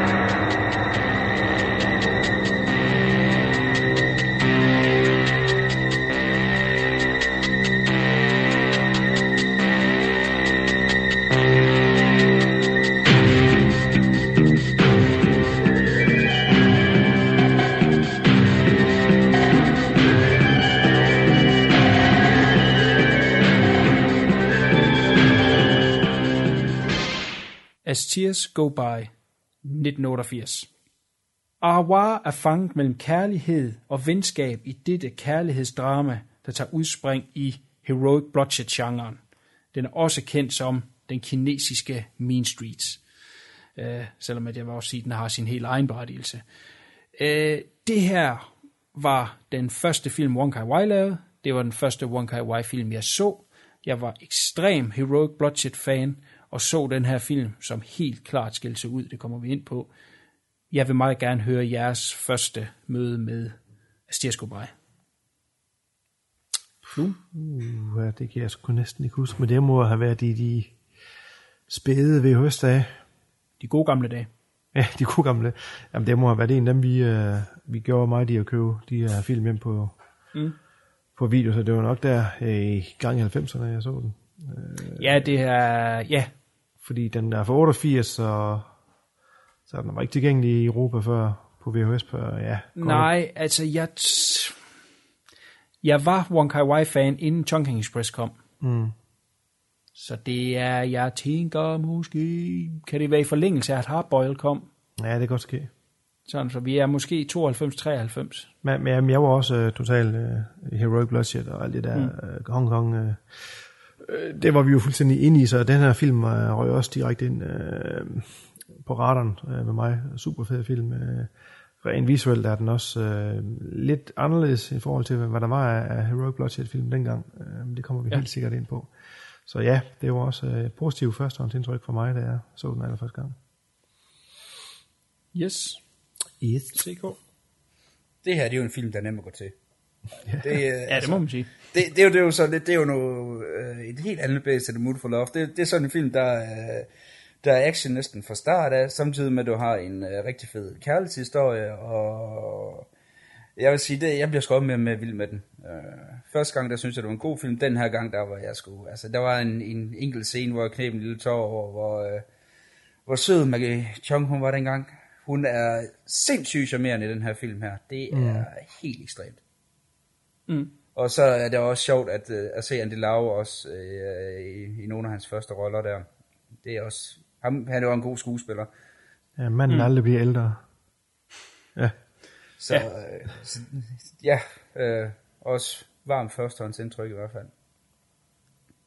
Hvad siger I til, nu kan vi komme ind på handlingen lidt mere, ikke? men det her, ej, måske skal vi lige tage handlingen, så kan jeg lige tage det der med Mean Streets, der, der er blevet nævnt så mange gange.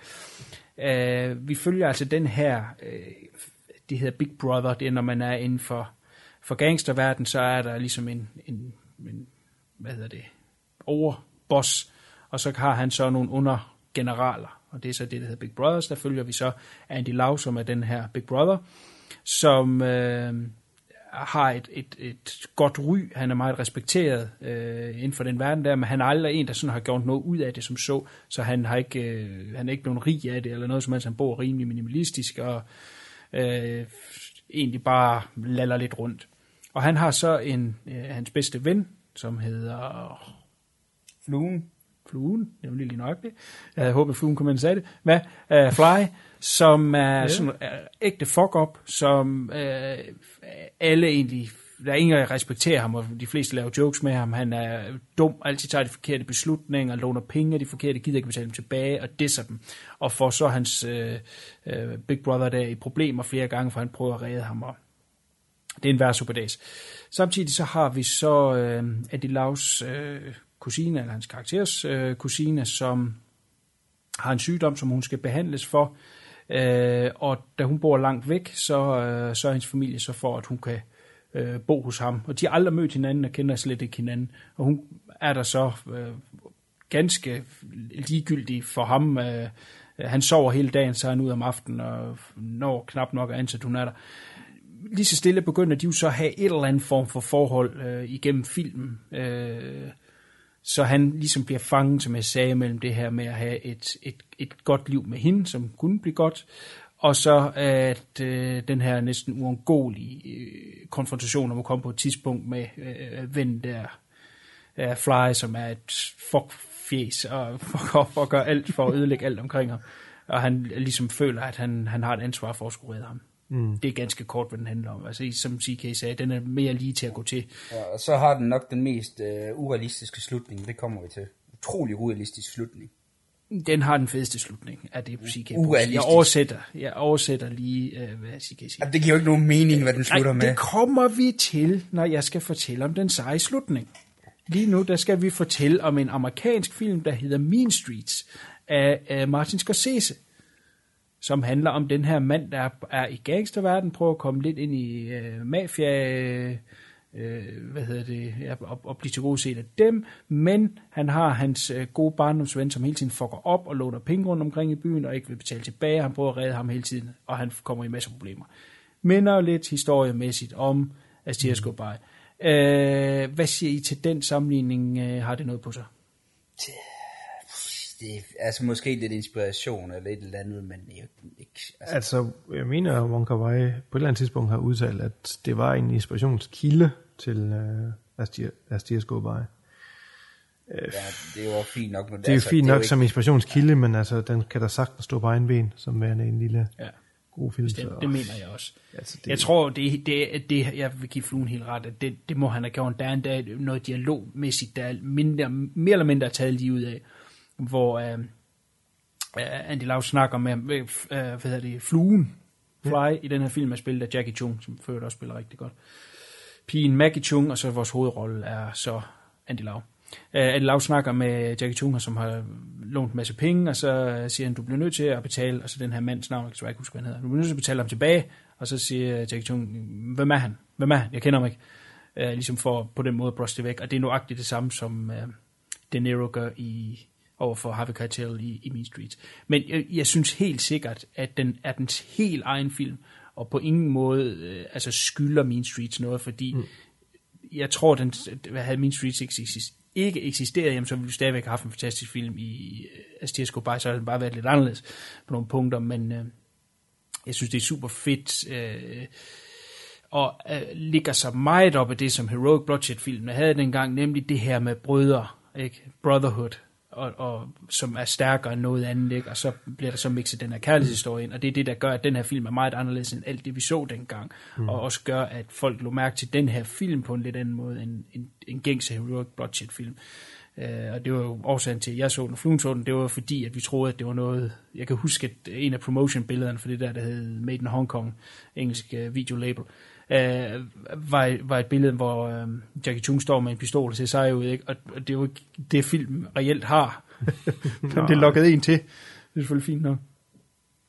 Uh, så uh, altså den, den, kines, den Hongkong-kinesiske Main Street er måske et lidt hårdt label. Jeg synes, den helt klart er sin egen uh, film. Og den startede jo så lidt en bølge af de her film, som var blandet af ja, en form for heroic bloodshed, eller Hong Kong action, når man vil og så øh, stor kærlighedsdrama, så det egentlig var, mere var et kærlighedsdrama, og så øh, to øh, bad boyen, der forelsker sig i den lille øh, stille pige, og der kom jo en anden film, som ligesom også blev definerende på den genre, som Andy Lau selvfølgelig også er med i, som hedder A Moment of Romance, som ligesom er den ultimative, kan man sige, heroic bloodshed øh, rom-com, ja, ikke romcom, men romantisk film. Er der nogen af jer, der har set A Moment of Romance? Mm. Ja, du gav mig på et tidspunkt en, en lang liste over Heroic Bloodshed, hvor jeg spurgte mig igennem nogle af dem. Det var en af de bedre. Det var godt. Som jeg husker den i hvert fald. Det var, det var faktisk ret cool. Mm. Det, det var noget med en motorcykel og en ret sød pige, og så ender ja. det jo som det altid gør den type film. Det var faktisk ret fed.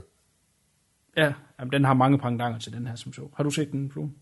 Ja, vi har, den har vi set nogle gange efterhånden. Ja, der er en hel serie af Moment of Romance film, men det er altså kun den første, der er noget værd. Godt. Astias Goodbye. Uh, øh, det her det er jo så hans debutfilm, kom til, som jeg sagde tidligere, fra en lang række manuskripter. Jeg synes, der er mange af de byggesten, han bruger i den her film, som er noget, vi ser længere hen, og som ligesom er, er med til at uh, gøre det som til det, han er i dag. Øh, selvom det her det er en, en film, der ligger nogle år tilbage. Øh, CK, nu var du også forbi noget af det der klassiske Wong Kai Wai. Øh, kan du også godt se det klassiske Wong Kai Wai, i hvert fald i et, i et spædt stadie i den her film? Ja, altså meget i, uh, i billedsproget og tematikkerne. Ja. Der er rigtig meget mm. tematikkerne i hvert fald, altså med hele den der øh, ulykkelige kærlighedshistorie, og, og hele det der med, hvordan at du har de her sådan lidt følelsesmæssige, øh, distinguerede mennesker over for hinanden, hvor du har, altså hvor de ligesom bygger mure op for at beskytte sig selv, så som mellem mindre bliver øh, nedbrudte og sjældent med et øh, lykkeligt resultat. Mm. Det, der, er- der er mange af de der øh, brudstykker der. Og også, øh, selvom øh, Christopher Doyle ikke er øh, fotograf på den her, så synes jeg også stadigvæk, der er lidt af det, det visuelle stil, og, og måden skuespillerne agerer på, som du ser i nogle af dem, der kommer lidt senere hen også. Så der er nogle, der er nogle ting der, altså. Øh, jeg vil tillade mig at kalde øh, Kawai Wong for en autør i den originale betydning, hvor du kan altid se, hvis en film er lavet af den her instruktør. Mm. Og, og det kan man om den her. Så sagde jeg godt nok, at for Love skal se meget ud, men du er ikke i tvivl om, at det er en Wong Kar Wai film. Ja. Altså du kan med det samme efter fem minutter gå hen og så sætte navn på instruktøren, selv hvis Ja. du ikke har set filmen før. Og, Mm. mm. og, og det har du allerede her.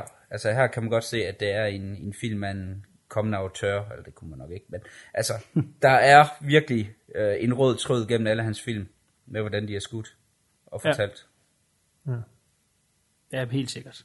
Helt sikkert. Jeg synes, det er en fantastisk debutfilm. Nu sagde du før det der med, at han arbejder meget organisk, men den her, den var Mm. der vist noget om, den var rigtig, øh, den var scriptet, helt i det mindste detalje, er det korrekt? Fordi han kom fra den her verden med at skrive manuskripter. Synes jeg, jeg har læst noget om. Det kan sgu godt passe. Jeg tror helt sikkert også, når man kommer som debuterende instruktør, så, er der krav til, at man ja. så er der nogle producenter på nakken af dig. Ja. Øh, på en lidt anden måde, der har du ikke de her fri. Han har jo bevist, hvad han kan nu. Ja, ja, selvfølgelig. Så, så, så de giver nogle frie tøjler. Ja. Øh, men ja, det tror jeg da, det er. Øh, man kan også sige med In the Mood for Love, og at han arbejdede med øh, den, den lidt ældre øh, Maggie Chung, og erfarne Maggie Chung og, og Leslie Chung, kan man jo sige, man giver øh, øh, hints til, hvad man vil lave til gode skuespillere, som kan løfte op og løbe med det. Her var de jo stadigvæk relativt unge. Ja. Øh, så så det, er, det har nok været bedst at have det så scriptet som muligt. Som muligt, ja. Det tror jeg da helt sikkert. Jamen lad os prøve at tage lidt af det visuelle der, fordi den er nemlig rigtig lækker visuelt.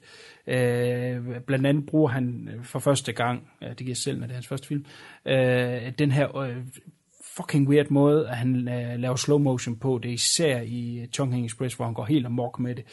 Øh, er det pænt eller grimt? Jeg kan sjældent blive enig med mig selv om Jeg det, synes, andet, det- jeg synes, det er pisse fedt. Men, Jeg synes, det er pissefedt.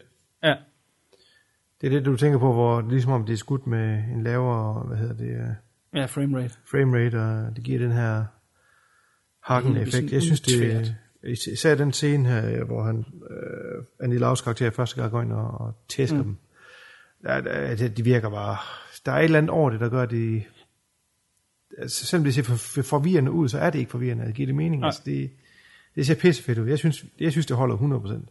Jeg vil bruge ja. et uh, amerikansk ord, der hedder gritty. Uh, altså det der Ja. med, at, at, at det gør det råt, og det fungerer jo sindssygt godt i, i sådan Ja. ja. som en action scene for eksempel. At det får det her lidt, lidt råt look, og, øh, og du føler måske også med, at slagene rammer lidt bedre, end hvis det bare havde været optaget i, i fin koreografi. Altså det, øh, altså det, det gør det lidt mere dyrisk for eksempel. Og Ja, for eksempel en jo rigtig slåskamp, som du siger, hvor, hvor et slag måske hænger lige et frame eller to længere, øh, i stedet for bare, at, at slaget ryger forbi. At det giver lige lidt, lidt mere lidt mere pondus, lidt vægt i tingene, synes jeg. Altså, det er svært at forklare. Øh, jeg synes i hvert fald, det fungerer. Mm. Jamen, helt enig, helt enig. Og som sagt, i uh, Chunking. Chungking Express og i Fallen Angels, der, der får den bare fuld gas med det der. Og ja. det er ligesom en, en, en stor del af hans, øh, Fingeraftryk. han, ja, hans visuelle stil op ja. igennem. Og det forsvinder så lidt efter øh, In the Mood for Love, hvor han skifter stil lidt, og vi er over i en mere rolig kamera. Det er jo så mere det, han har lavet øh, sidenhen. Mm.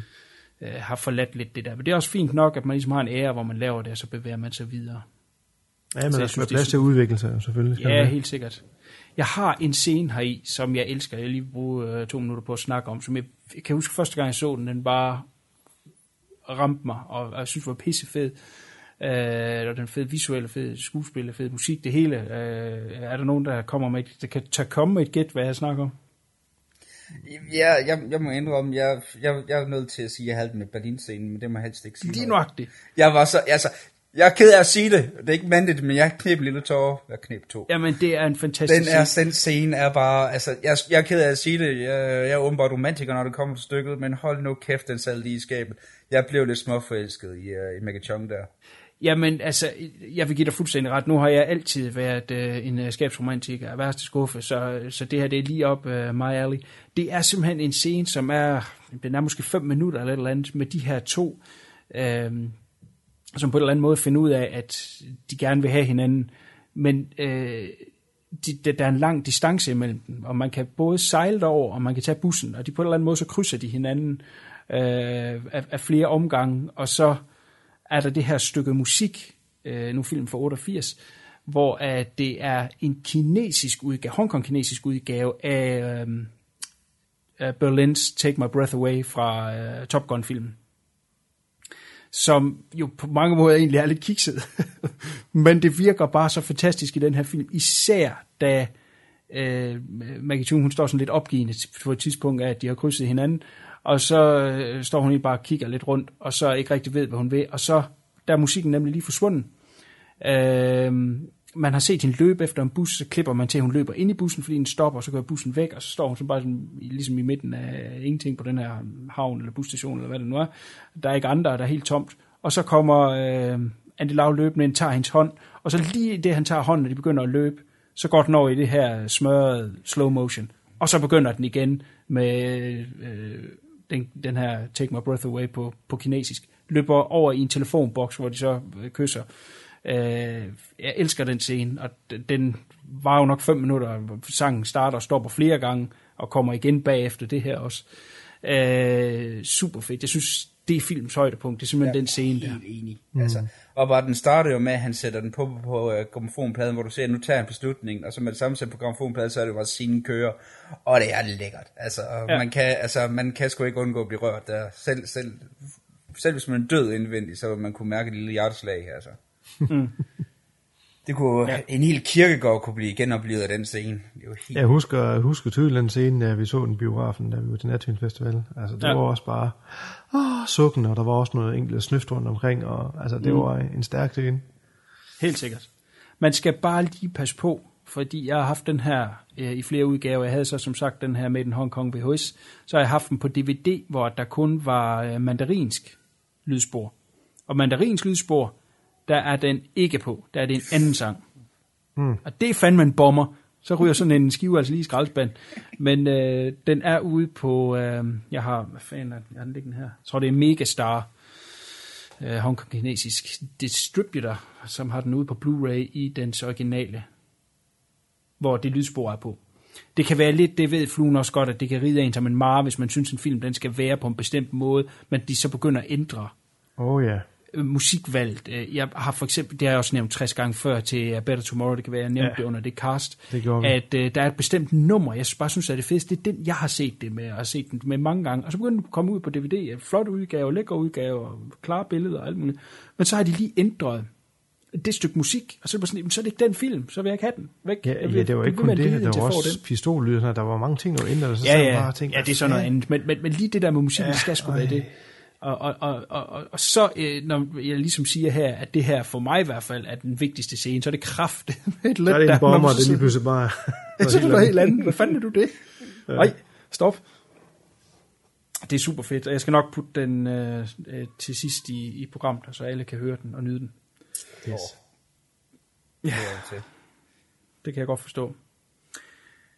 Godt, jamen så, øh, som alle gode film jo gør, det er, at de slutter. Og der var CK jo forbi tidligere, at han synes, at øh, det var en urealistisk slutning. Det må vi lige høre, hvad det er for noget. Jeg vil selvfølgelig, som jeg altid gør, sige, se lige filmen. Ja, spoilers. Fordi den okay. er altså værd at se. Den er øh, super fed, selvom at den er ældre dato. Øh, og vi skambruges uh, In the Mood for Love, så er der altså en lille film her, som stadigvæk er super fed at se.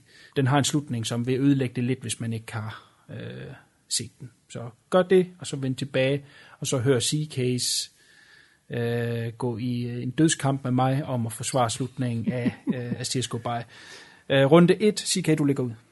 Du kan lige starte med at forklare, hvad der sker. Nej, vent, det gør jeg, fordi ja. du, du fucker det op. Prøv at høre her. Ganske kort. Der er jo den her Big Brother, som hele tiden skal hjælpe hans lille, bro, øh, lille brother øh, i det her øh, triad-foretagende. Han har lånt så mange penge, han ikke kan betale tilbage. Han har ikke respekt nogen steder, og han er pisse træt af det får muligheden for at, at steppe op og tage en opgave, da en, øh, da politiet har fået fat i en uh, informant, som øh, kan afsløre alt for mange hemmeligheder. De vil gerne have ham likvideret, og øh, Fly her, han melder sig til opgaven, selvom at øh, han tydeligvis ikke er den rette til det, så er det, han vil gerne gøre det. Øh, har en rigtig fed dialogscene med Andy Lau, som altså, den her brøderlige kærlighed, der er imellem. Han siger, jamen du skal bare spørge mig, så tager jeg med. Jeg, jeg vil gerne tage med dig, hvis det er, og øh, jeg synes ikke, du skal gøre det, fordi du vil være glemt om en uge, så er det nogen andre. Og så siger han, jeg vil hellere være kendt i 30 sekunder, end at være et nul resten af mit liv. Øh, indvilder dog alligevel i at, at tage med Andy Lau hjem, og så glemme det. Øh, men han stikker så alligevel af fra ham, fordi han vil fuldføre det her. Og så er vi på den her øh, politistation ude i, i, i gården foran, hvor at politi så transporterer den her uh, informant, og øh, Fly kommer så hen med pistol og skyder, rammer nogle politibetjente og rammer også en enkelt gang den her informant, men ender selv med at blive skudt og dør. Og det ser øh, Andy Lau, som så har stået i, i baggrunden, og som han har gjort så mange gange før, Øh, og det skal så siges, at han har rejst fra øh, Maggie Chung øh, for at redde broren, en, eller vennen en sidste gang. Øh, det her fantastiske liv, han kunne have fået øh, for at redde vennen, og nu ligger han der død, og så er det, han skal fandme ikke dø en vain. Jeg færdiggør opgaven, sådan at øh, han stadigvæk vil have sin ære, og så går han hen og så dræber den her police informant, men ender selv med at blive skudt og. Yes, det var mm. vist en fin uh, reenactment. CK, go. Det giver ikke nogen mening. Han har Maggie Chung. Han har Maggie Chung. Hun vil have ham. Hun står der på vej der. Hun står med tøj i øjnene og det der sådan en lille uh, trutmund der. Og så går han stadigvæk hen og skriver, den her nar af en mand. Altså, du har nævnt lidt det, folk ikke kan lide, manden er jo en spasser. Altså, hele vejen igennem laver han ikke anden ballade. Altså, han har for eksempel hans, øh, hans bedste ven, hvor han øh, får til opgave, hvor skal sørge for hans bryllup. Hvad gør han så? Han sørger for at holde det midt op i det åbne ting med en lille grillfest, og sørger for, at vennens øh, svigerforældre hader vennen og ser ned på ham, og han øh, tager det bare af med, jamen altså det er fint nok, manden er jo nar hele vejen igennem.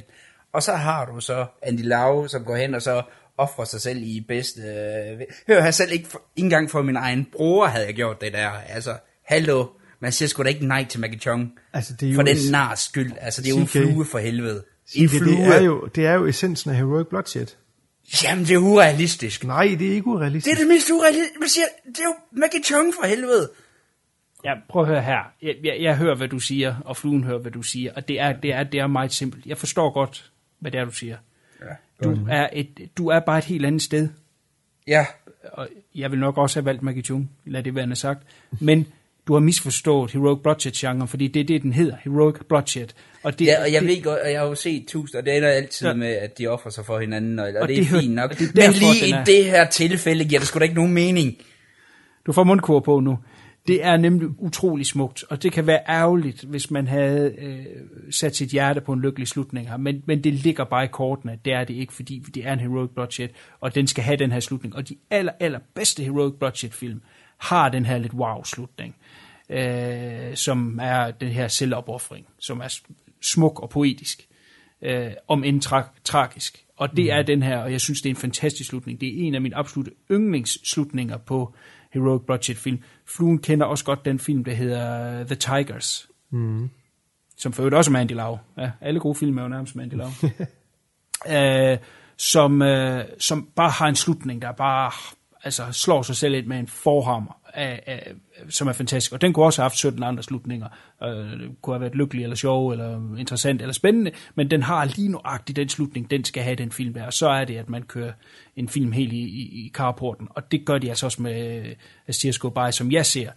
Øh, kan den bare ikke have den lykkelige slutning. Jeg kan sagtens se det, jeg vil gerne have, at de levede lykkeligt, øh, og, og spist morgenmad hver dag på strandene ved Kowloon Bay, men, men sådan er det bare desværre ikke. Det, det, det ligger i kortene, og, og der er noget smukt over det. Ja, men lige her bliver det for, altså det er jo, det der med at ofre sig for hinanden, det er jo det fint nok, og det er det, man gør i den genre, og sådan skal det også være.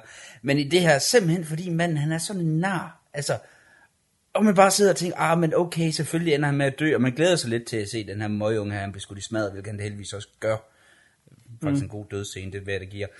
Men så har man op det, ja, men hvorfor vil du ofre dig for ham? Jeg ved godt, det er et eller andet med noget øh, æreskodex og sådan noget, men det giver jo ikke nogen mening i forhold til, hvad du forlader. Altså, normalt havde været fint, men, men lige der, altså, de, altså det lykkedes jo at gøre uh, Jackie Tongs karakter, uh, bliver simpelthen for irriterende for mig til, at han fortjener ikke hans bedste ven offer sig for ham.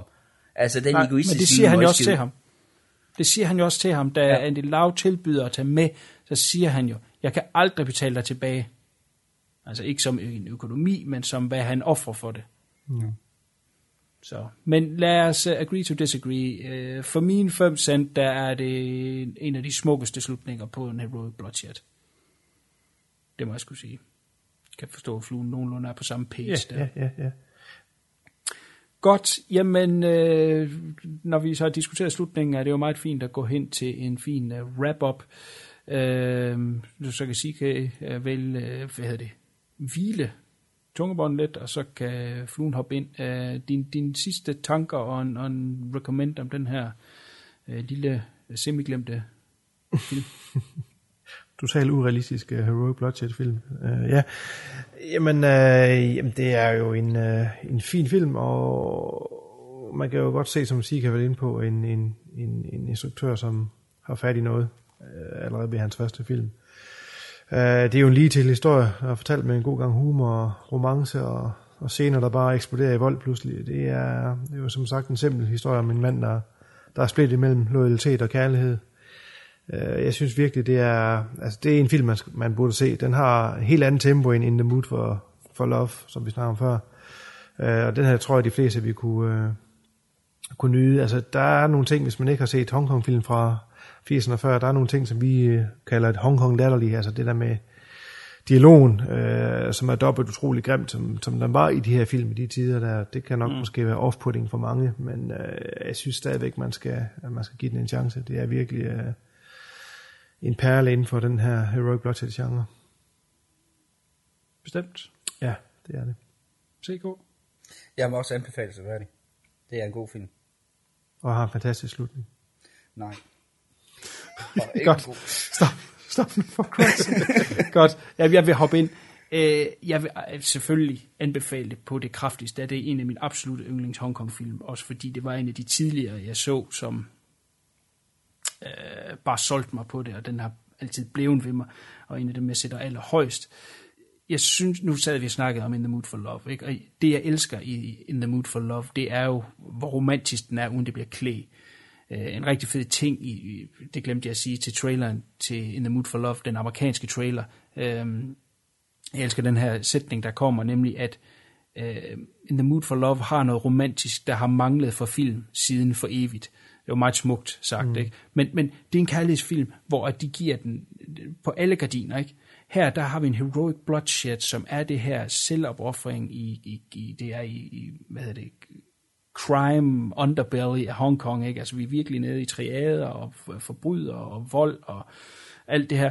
Og alligevel kan det lykkes, Wong Kar Wai viser bare, hvor sej han er, at kunne lave en kærlighedshistorie, der skinner igennem alt det, og det er det, man husker den for bagefter. Øh, det synes jeg er fantastisk, mm. og, og, og derfor vil jeg gerne stemme i med, at han er den mest øh, romantiske filminstruktør i verden. Øh, det er fandme et, det, det, det kræver sgu noget kunden. Øh, Den kom i slipstrøm af Heroic budget film, og den er selv en Heroic budget film, og den har den perfekte Heroic budget slutning, som jeg sagde før. Uh, undskyld, TK.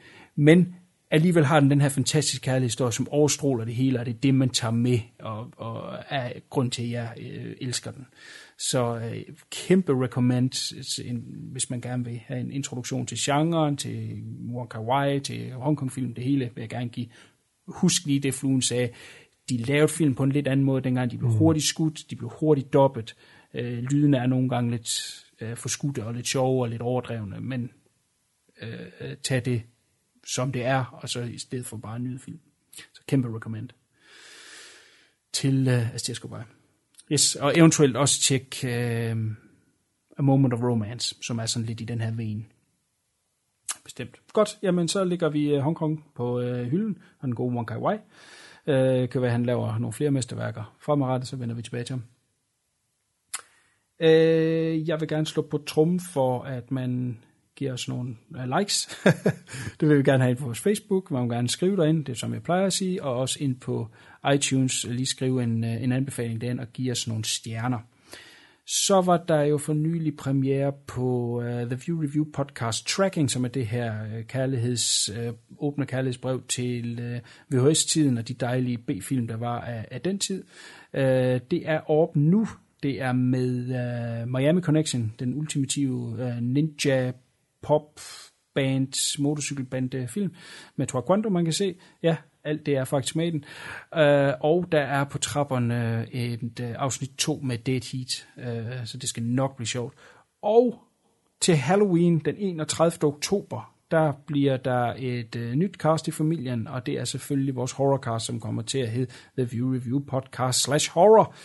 Uh, så uh, er der fast horror til crowds derude fra uh, undertegnet og en endnu ukendt medvært. Jeg leder med lys og lygte efter en.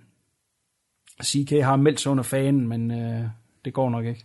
Nej, det, når jeg i forvejen ikke til den røde vare, så Ja, det så godt du- gå så hen dur og det blive, ikke. Så bliver det sur mand mod meget entusiastisk mand. Og det, Ja, det er nemlig det. Men det kommer den 31. oktober. Glæder jeg til det. Det bliver med Rocktober Blood og uh, The Midnight Hour. Og i de 10 dage op til, så fejrer vi ligesom sidste år Halloween med øh, uh, 10 Days of Halloween, hvor jeg finder 10 fede kortfilm og lægger op til, at de kommer alle sammen ind på fjesen. Så se det, del det, så at vi kan få en masse øh, views og lytter til, uh, til vores nye horrorcast. Og så er der også noget med, at der kommer et nyt afsnit af vores øh, flagskiber, og det er CK, der får lov til at vælge. Og hvad er det, vi skal se næste gang, CK? Vi skal øh, se på øh, to vidt forskellige musicals. Vi tager en øh, klassiker, nok en af de største klassikere, Singing in the Rain, og så tager vi en øh, nutidig øh, perle af en film, øh, som jeg glæder mig til virkelig, at jeg skal dele sammen med folk. Øh, Hedwig and Angry Inch, som Kuno i sin tid øh, øh, mig for, og jeg må sige, det bliver interessant at, at sætte de her to vidt forskellige musicals over for hinanden og se, jamen, hvad holder stadigvæk, og hvad holder ikke, og sådan ting. Der skal Kuno og mig nok komme op og diskutere og skænde, så jeg håber også, at fluen er med, hvis han ikke er ude at flyve. Ja, jeg skal jo ud og flyve igen, ja. Ja, det Fluen, finder øh, fluen vi- har det med at flyve væk en gang med. Mm. Det har han. Fluer, fluer flyver, sådan er det. Ja. Det finder vi i hvert fald ud af. Men øh, der er i hvert fald lagt i kakkeloven til endnu et fantastisk afsnit med nogle fantastiske film og fantastiske sange. Der bliver masser af sange næste gang. Det bliver simpelthen så hygge. Men øh, hold øje ind på øh, fjesen. Der er over i højre side en kolonne med de film, der kommer fremadrettet på de forskellige casts. Så der er film, film og masser af film. Non-stop. Godt. Jamen, så vil jeg gerne sige Mogoi Sai, som er kantonesisk for tak. Skal I Mogoi have? sai. Ja, ja, ja. For et dejligt cast. Kan I sige pænt farvel? Pænt farvel. Pænt farvel. Pænt farvel. 思